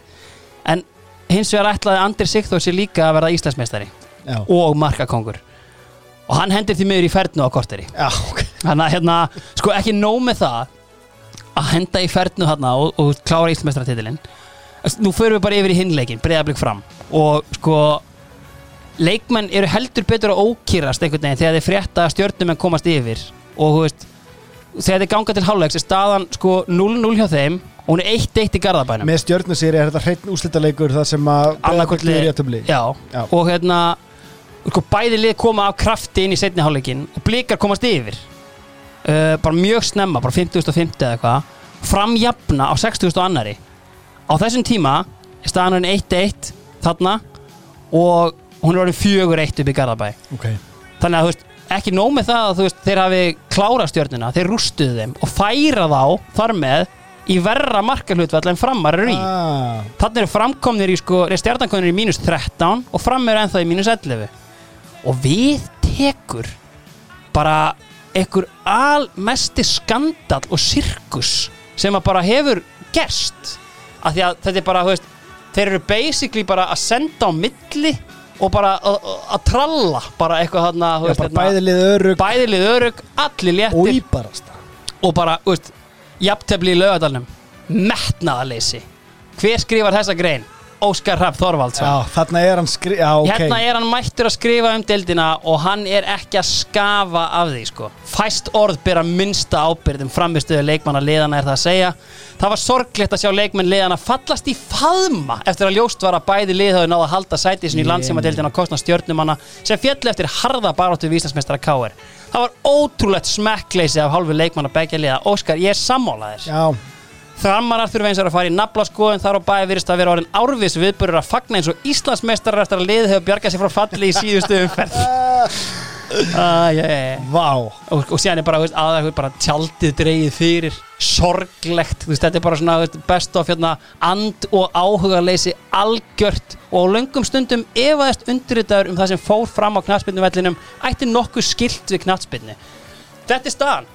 Ég verð að segja eins mikið að fólk elskar Óskar Hrapp sem þjálfara þegar hún gengur eitthvað illa og Já. eitthvað svona skiluru og það, svona skrif maður svona skilur og það er kannski hreyfingin eh, já, þú veist, hefur fengið að kenna því.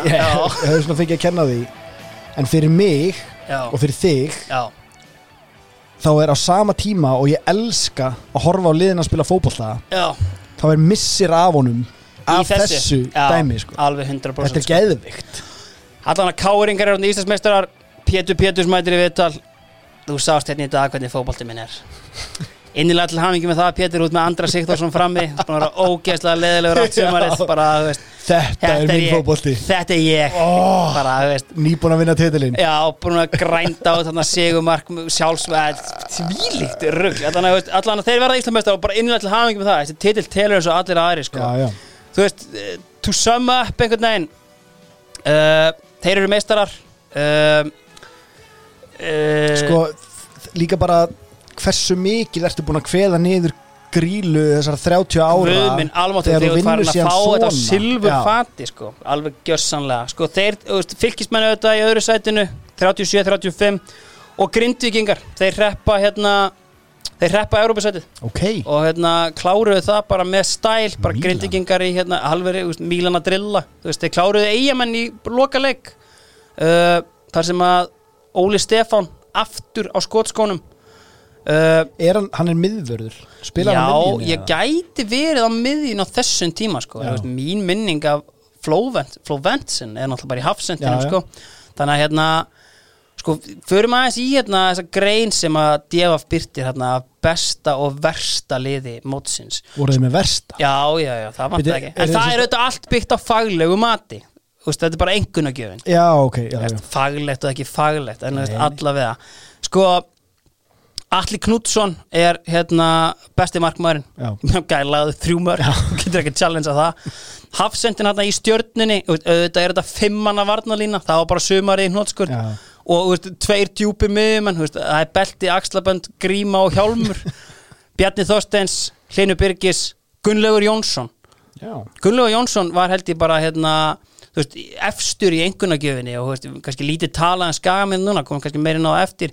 En síðan er hérna, Stimpla sér rækilega inn þarna sem svona já algjörlega og er að koma, þú veist, eins og við komum inn á veist, hann fæði náttúrulega breykið innan gæsalappa seint með við alla sína samtíma menn og, þú veist, en þarna er hann, þú veist, coming to his own og hann er, hann er lang efstur í sér eiginlega, sko, bara hérna frábært sumar hjá skagamannum sem ekkert gátu. Sko, uh, ekkert gátu bara skoruðu ekki neitt. Síðan er Gilvi Einars, Sverri Sverris og Helgi Valur á miðinni það er bara fylgist með Já. hann, þetta er ekki flókið. Og Andri Sigþórsson og ég ætla kannski aðeins að draga úr því sem ég sagði því að hann hefur verið að töfra Vega Páll Gunnarsson. Ok, hann er hann efstur þú veist, þetta er samt, þessi einhvernagjöf er svo mikið bullshit sko. Er þetta, er þetta bara hérna 1 upp í 10? nei, þetta er upp í fimm. Já. Þannig að þú veist, þetta er kannski mikið að þristum hann Fyrir fyrir íþróttafrétta mann að horfa leik og þurfa væntalega að skrifa mann Já, og gefa 22 einhvern er algjörlega, það er versta liði kannski aðeins um það hérna. Það er þetta með annars stjórnumarkmann annars sem ekkert gatt Mm. Þú ert með tvo leikmenn og leiftri í vörninni. Uh, auðvitað er fimmanna varnalína hér líka. Uh, Þorbjörn Allir Sveinsson er upp á topp. Við þetta munum hvað íþróttadelt djefa fæðum hann að segja. Síðan er hérna sko, þú veist svolítið óvægið Sigurvin Ólafsson uh, þá í fram með þetta. Það sem er eins og er ótrúlega þetta er að hann er stóðsendinga hæsti leikmaður delta Ha? hann uh, leikatri Mómir Mileta Gilvi Einars og Scott Ramsey. Gilvi Einars, gæin er með sko hann er með 8 mörg og 5 stóðsendingar af miðjunni. Þú veist, fyrir geðu, í hann föstu ekki með leikatri 5 hann er ekki með 8 mörg, hann er með 10 mörg og 6 stóðsendingar þar af sko haug af stigamörkum. Ekki gleyma því. Þú veist, hérna er mér þess að farið yfir sko, þú veist, það hefur verið gríðarlega umræða hérna á netinu um sko, hérna, tölfræði og annað, veist, hérna, hérna er bara geggju grein frá Óskar Ófegi bara, stóðsendingahæstir, markahæstir Gummi Steinars.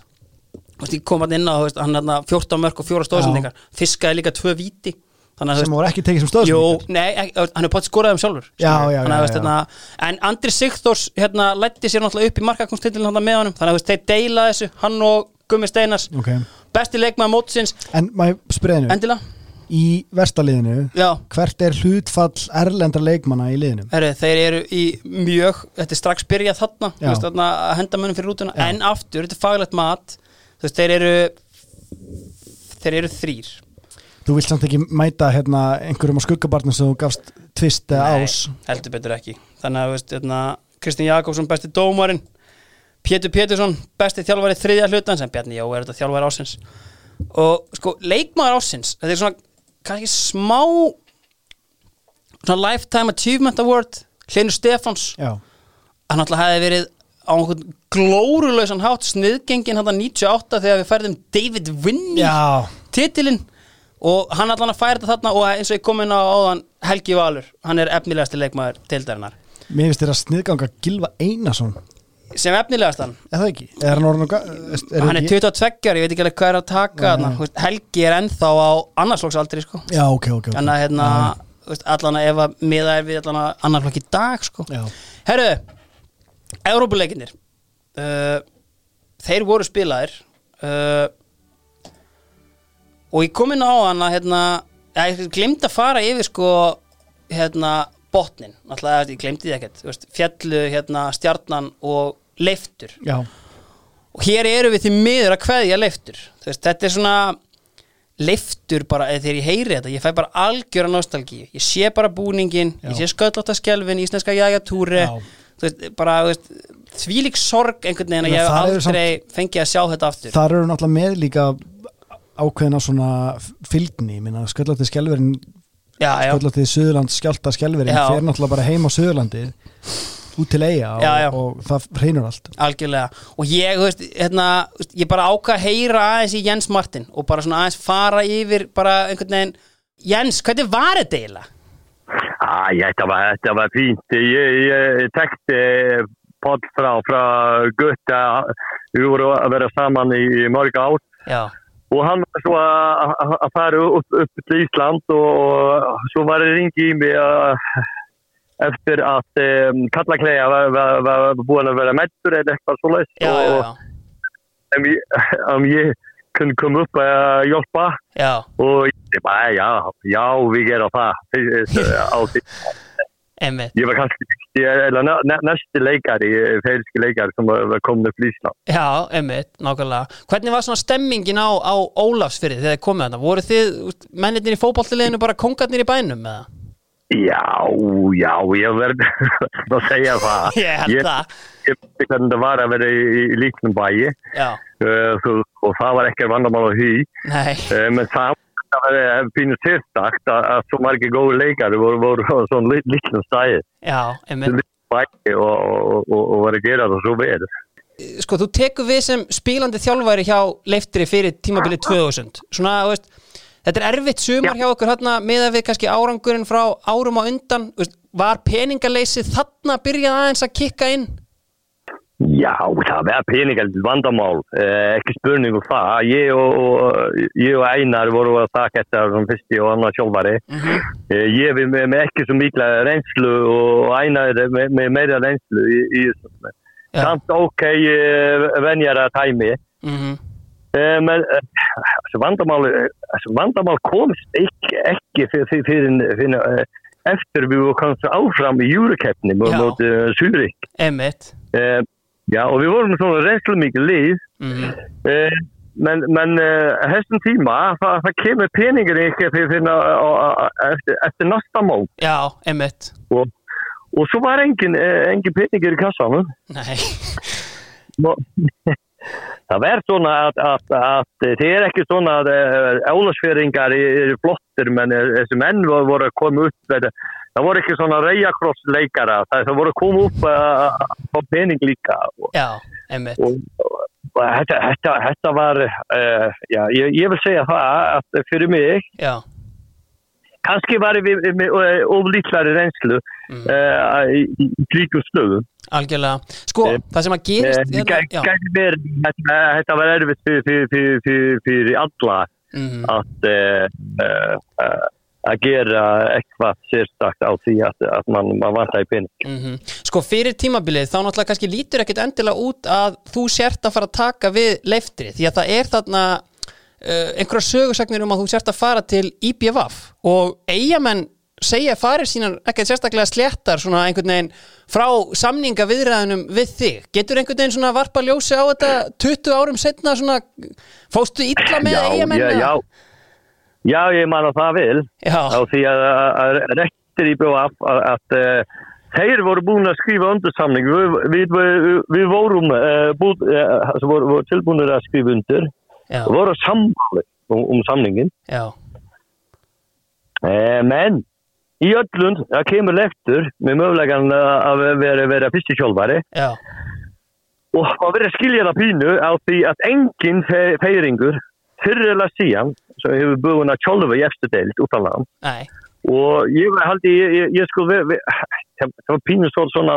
national já, að, ég, ég, ég var að taka þetta á mig og kannski fá eitt einn, tveir leikar út, út að leika og upp til Ísland líka á því ég tekti þeir og, og svona, svo það var pínu meiri í þessu já En veist, ég skil mjög vel eigamenn Mhm. uh, og, og, og það gerir bara á og til. Ég verði bara að segja já, ásöku í þessum, menn þetta var það sem var, að skil. algjörlega Svona ef þú hugsa tilbaka, er einhver svona einn leikmaður sem þér fannst vera besti leikmaður sem þú spilaði með hérna á Íslandi? Já, altså, ég sé að besti leikmenn hefur margir ótrúlega góður leikmenn í, leftri þessum tímabili ég var þarna. Já, Eh, Ég, ég kan bara bara segja svona Línur, Línur Birgis og Baldur Braga, Andri Martins og Pall Gisla og Palli Gum og, og, og, og allir þessi, ég, ég kunni nefna fleiri já, einmitt og, þetta voru þetta voru, restliti menn og verið úti í, heimi og leika og mm, það voru djúpt að góður allir það, það, það, það vil segja, menn kannski, kannski, kannski bestir í sem, sem ég held. Já, algjörlega. Eh, það, það var Lín, uh, Línu Bryggis og, og, Baldur Brag þeir voru. Og svo kemur kannski Andri Andri var pínu mettur þegar ég kom men hann var að við var bara betri og betri fyrir, fyrir, fyrir hvern leik sem, sem, sem voru að leika svo. Mhm. þetta, þetta var, þetta var mikilvægt tími Já, hefur þú haldið góðum tengslum við Ólafsfjörð svona í setni tíð? Já, já, já, já, ég er alltaf að- fylgja, fylgja með hvað er að ske og, og, og stuðningsmenni eru að ringi í mig þá það er búin að fá e- e- eitt bjór eða tvö Eh, ég reyni alltaf að taka bara, bara, bara síman því að eh, þetta er svo góð tími, ég verði verði að tala um það Eh, það það möguleikin er, að gera það? Algjörlega. Herri, Jens, ég heldur sem bara búnir, bara takk æðislega fyrir að taka síman Já, menn það er bara fínt, menn ég, ég held ég, ég skal bara, bara takka, það, takka fyrir þessum Ólafsfjöru og Íslandi fyrir ógleimandi tímabíla. Algjörlega, ég kem ekki skila. Bara þakka þér Jens. Já. Þú veist, búin að skemmt okkur hérna konunglega leik eftir leik, ár eftir ár Hvað sem að stendur náttúrulega upp úr er náttúrulega fyrsti, uh, fyrsti færiski leikarinn til að fara út að leika á Íslandi. Já. Það er náttúrulega hérna, það sem hann gerir. Hann er fyrsti Hann er og næsti. Hann er næsti, já. Ég held að, ég held að hann sé að vitni í það sko að Uni Arge kom, veist mánuð á undan honum með eitthvað til landsins. Ég, ég, ég veit að hann ekki um fleiri Hann er allavega fyrsti það segir. Eini, eini, færiski þjálfarin gaman að heyra hann að gefa Andra Martin smá sjátátt, hann hafði greinilega eitthvað aðeins fram að færa í Já. íslenska boltan á þessum tíma, en alltaf mest það sem stendur upp úr fyrir mér er að það séu blindfulli stuðningsmenn að ringja í hann dag og nátt bara Jens! Nei, nú ringi ég Jens Já. og alltaf tekur hann síman bara já, já Hann Algjörlega. náttúrulega tók þetta bara á kassan þetta IBVF hérna, Já, algjörlega, því miður, ég var að vonast eftir að fá ég var að vonast eftir að fá hann hérna heitan og, og hraun eitthvað yfir menn sko þú veist, en, hérna, en hann, því litt léttu náðangi það er kent geggja og fer hann á Facebook í hann sko, þá er hann hérna, hann er ekki einhvern business svona fiskabusiness og eitthvað og, og það er hérna, það er ekki nema 75 myndir af því þegar hann, að hann fekk heimsók frá einhverjum dönum, þar sem hann var að kynna eitthvað og ekki nóg með það, að hann sé þetta bara frekar borgarlega klættur, hann er krokkskóm Hann heldur í stílin Já, Þetta gjörsamlega rýmar í húuna góðu Sko, ég sagði að það var en búni sko, en veist, ég, veit að, ég stenglendi byggarnum veist, Við verðum að fá byggarinn þetta. Countdown aftur upp eða? Já, sem gerist í byggarnum er að undanúrslitin IBF fylgir uh, Pældi, fylgir er meiri segja þarna Þeir eru bara sjans á doppul gullöld. Stengum Jóhansson hetjan. Theodor Óskarsson kom fylgi yfir uh, Nýliðunum farið að dreyma og eru cruising en á 87. mínútu þá mætir bæjarstjórin Kingi Sig. Jafna leikin og uppbúta tíma dagger frá Stengri með Jó. Uh, Eyjamenn eru þetta að klára 38. leikin í röð á heimavelli án taps. Það, ke það came crashing hérna á móti Grindavík þegar Grindavík tríði sér Európa-sætið Allavega, hinn undanúrsleikurinn rosalegu leikur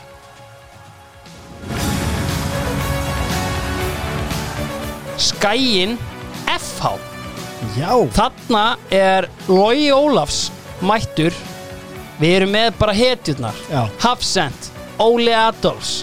Á miðjunni, Heimir Guðjónsson.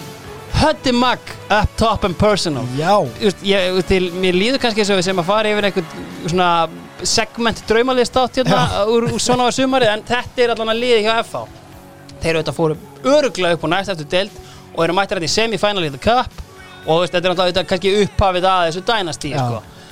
og hérna Jón Gasgrímur uh, The Man in the Cloud, Money in the Cloud uh, Logi Ólafs tilkynnti mér það hann hefur kallað Jón Gasgrímur hann kemur FH yfir hver stígur og þeir eru sko á leiðinni að vera fyrsta liðið í sögu nútíma knaspinnu sem færi í Cup Final úr fyrstu deildinni Ok 90. og 3. mínútu eins og í góðri bíjarmynd eins og hann söng sjálfur Já. Arge poppar upp, Halló. Búin að gera helviti lítið allt sumarið en hann jafnar metin bara í uppbóta tíma uh, F-fáingar halda áfram og þeir fá víti í byrjun setni hálfleiks. Hallsteinn Arnars á punktinn. Pungur Ólafsson. Ólaf Þór Gunnarsson ver vítið. Og við erum að fara í vítakeppni. Þessi vítakeppni er öll á YouTube. Bara við mælum að tjekka á henni.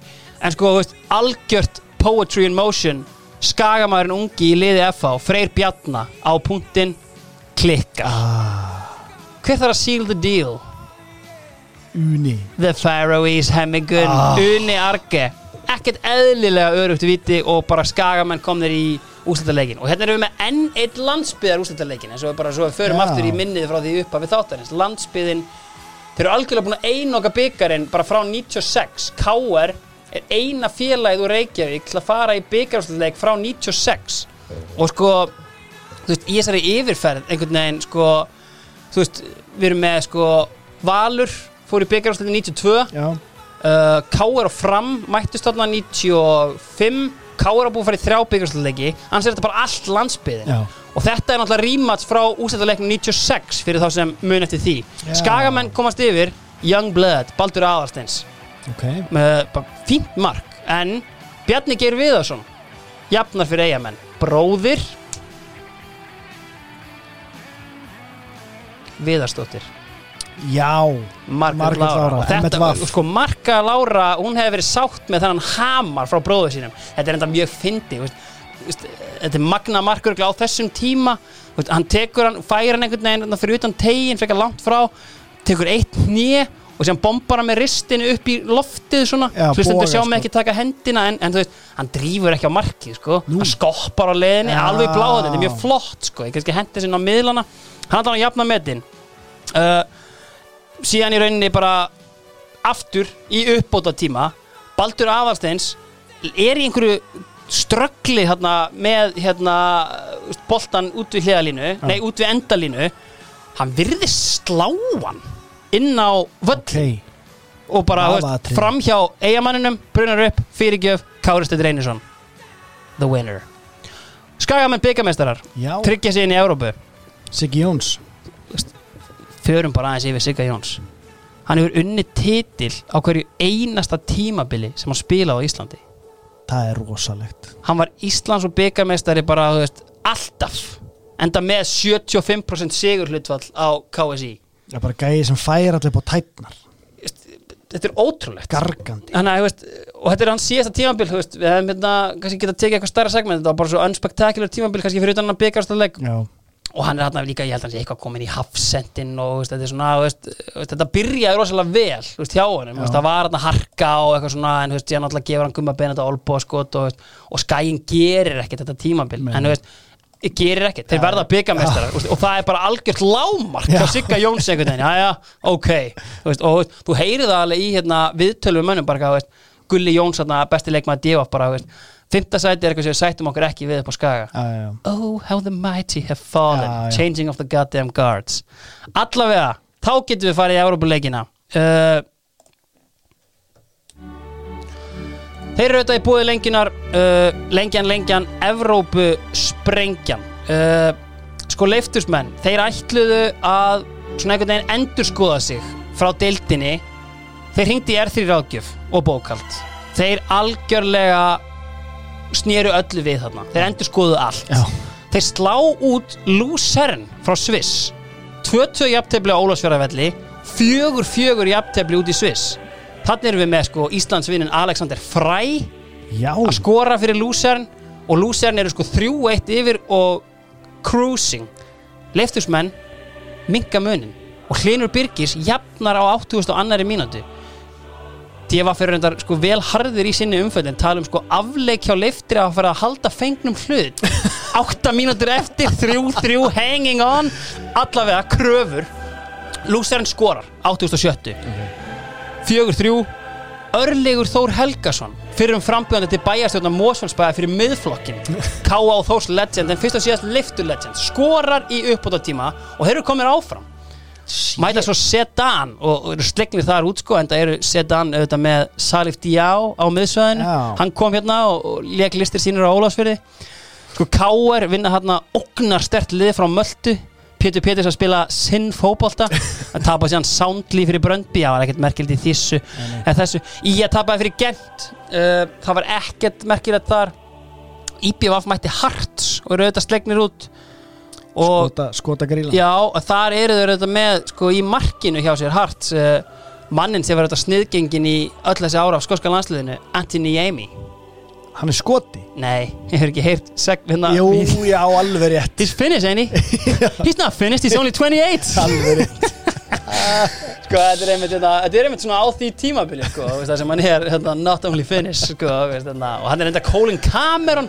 En þú veist, að öðru leiti mjög hérna, weak ár fyrir okkur í Európu þannig að ég held að við getum bara svona slaufa þess á því að tala kannski aðeins bara um íslenska landslið og það er auðvitað búið margt smátt. Okkar menn, treyju fyrir bumbaboltan skemmtilegar húur Kelme. Kelme, bara þú veist, heyrið í okkar mannum í margt smátt þeir gera leikin betri og, og gera fallegri líka veist, þannig að hérna, einhvern veginn veist, ekki mæta til leiks í þessar deildir. Þið haldið að skiptir máli að vinna leikina það skiptir aðalega máli að skýt lúka Já, já, ekki lenda í grindavíku klúðinu komin á það svo sem áðan í bóði Mars Mátt að allir eðvals tekur vel landsliðinu. Og það er voru að lítið að leikjum einhvern veginn spila við erum að byrja hérna í undankemni fyrir HM 2002 og við erum það að lítið að gerast við töpum alltaf einhverju leik fyrir tjekkum 4-0 Já, uh, vinnum einhvern vináttuleik við Svíja þetta er alltaf rosa ómerkilegt. Sko mín minning einhvern veginn af alla eðvalds sem hérna þjálfari landsliðsins var það bara að hann einhvern veginn var bara með uppskrift sem þjálfari og hann einhvern veginn gæti ekkert farið frá henni. Hm, ég tekið við landsliðinu. Auðvitað er ég bara með júrdallin á miðunni Sissa Júl, Bjarnar Þorsteins og Indriða Sig. Já, hann var bara með káringa Bjarni Þorsteins kemur hann inn í landslið og spilar, spilar flesta leikina hjá alla eðvald sko, okay. þetta var mín minning einhvern veginn hann bara takinn káeringa enda náttúrulega orðin gegn heil káeringur sko, það sem var kannski aðlega var sko að Gauji Þórðar létt gamminn mikið geisa um íslenska landslið og var einmitt að taka, því að allir er svolítið svona kannski eins og Áskir Sigurvins nei, Áskir, Áskir Elsegi hann vill spila sóknarbolta Já. og hann fer bara í fjóri fyrir tveir veist, og við ætlum bara hérna, að spila hérna, til að hafa gaman og, og, hérna, og, spila flottan fótbolta. Gauir having none of it sko. Veist, bara eitthvað hérna, og bara lætur hann algjörlega heyra það bara í einhverju viðtali, bara daginn fyrir leik bara í hérna, beinu, beinni útsendingu bara á sjónvarpi landsmanna. Óskar Ófegur having none of it heldur, tekur upp hanskan fyrir Atla, að því Atli var ekkert búin að fara eitthvað hrikalega af stað sko. þú veist, hann var búin að spila einhverja vináttuleiki auðvitað fórum við á okkar La Manga mót. Og hérna, þú veist, vorum að taka einhverja, taka einhverja sterkar sigra þar sko. En þú veist Atli er allan á vegferð og þú veist, sjáum bara hvernig hún fer. Uh, það sem ég vil kannski líka koma inn á og bara snertir hérna tíðarandan er að þetta er auðvitað árið að um haustið fer Good Johnson til Chelsea. Já, og þetta er veist, fyrir 8-9 ára gaman Joe þetta er að langstærsta sem ég hef Já. nokkuð tíman séð Já. hann er bara komið með Íslending hann er bara að slæta honum inn á Old Trafford og að fagna með dífu Já. og veist bara veist, og maður svona eiginlega trúð þess ekki sko. og veist, allir bólitnir skilur veist, allir Mór Bárusson og Björn Steinar Blúmenstein byrja bara að halda með Chelsea og Chelsea er henni bara eitthvað gett relevant og óþólandi sko en þú veist, hérna algjörlega, snefum kannski inn á það að við höfnum því að spila við Katalóni við vorum mikið að hafna landsleikjum á þessum tíma. Það var ekki ekkert cash til. Eggi Magnusson en það sá fréttamann að funda það sem hann var að hérna það sem hann var að sæna einhverja díla og þá verðum við bara að hafna þessum ferðarlegum bara því miður sko. En það er lítið að frétt í landslínan við skulum ekki vera uh, lengi eitthvað meira. Nei. sko eru við með eitthvað lag eða? Já, ég er nefnilega með lag sko. Já, það er, það, það er lagi sem ég vil heyra Sko, ég held alltaf að þetta lag Þetta lag var, sko, ég held þetta hafi verið auglýsingu hjá símanum uh, Og ég held sko 100% að þetta væri erlend lag. Þetta er bara, þetta er bara slagari, sko. Já. Og hérna, en síðan einhvern veginn hérna var ég að hlusta á Gulla og Geira Í árið er Og kemst bara að því að þetta er íslenskt lag. Við erum hér. Egil S. Egil Sæbjörnsson Og ég bara mæli með þetta er lagið I Love You So Egil S Þið haldið eflust bara eins og ég að þetta sé einhver erlendur slagari. Tjekkið á myndbandinu. Þetta er handheld cam POV Þú veist bara, þú veist, þetta er ótrúlegt. Þetta er ekki eða Sko, er þetta ekki bara fínt hérna eftir frí að hérna kikka okkur út með þessu? Já. Það er engin I lengt á drive you crazy. Herru, Orri, við sjáumst bara feskir í næstu viku. Gerum það. Takk fyrir mig. Find you crazy. I love you so. I find you crazy. I love you so.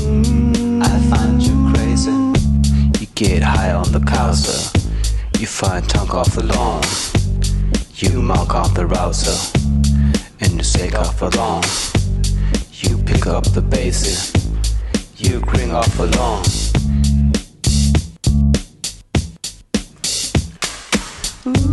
You get high on the casa.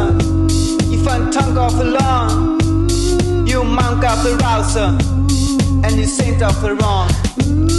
You pick up the basic, you grin at the lawn. I love you so, I find you crazy. I love you so, I find you crazy. I love you so, I find you crazy. I love you so, I find you crazy. I love you so, I find you.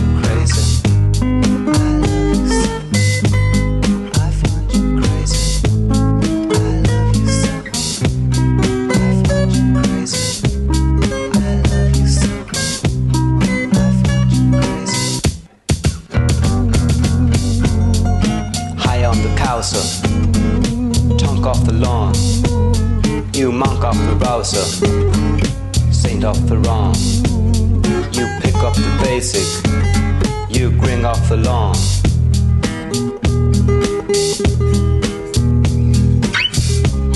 I love you so. I find you crazy. I love you so. I find you crazy. I love you so. I love you so. You get high on the castle. You front tongue off the lawn. You monk off the rouser. And you sink off the wrong. You pick up the basic. You grin at the lawn.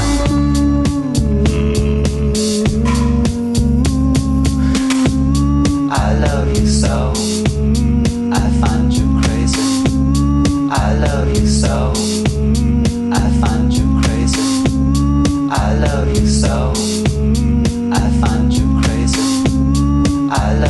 So.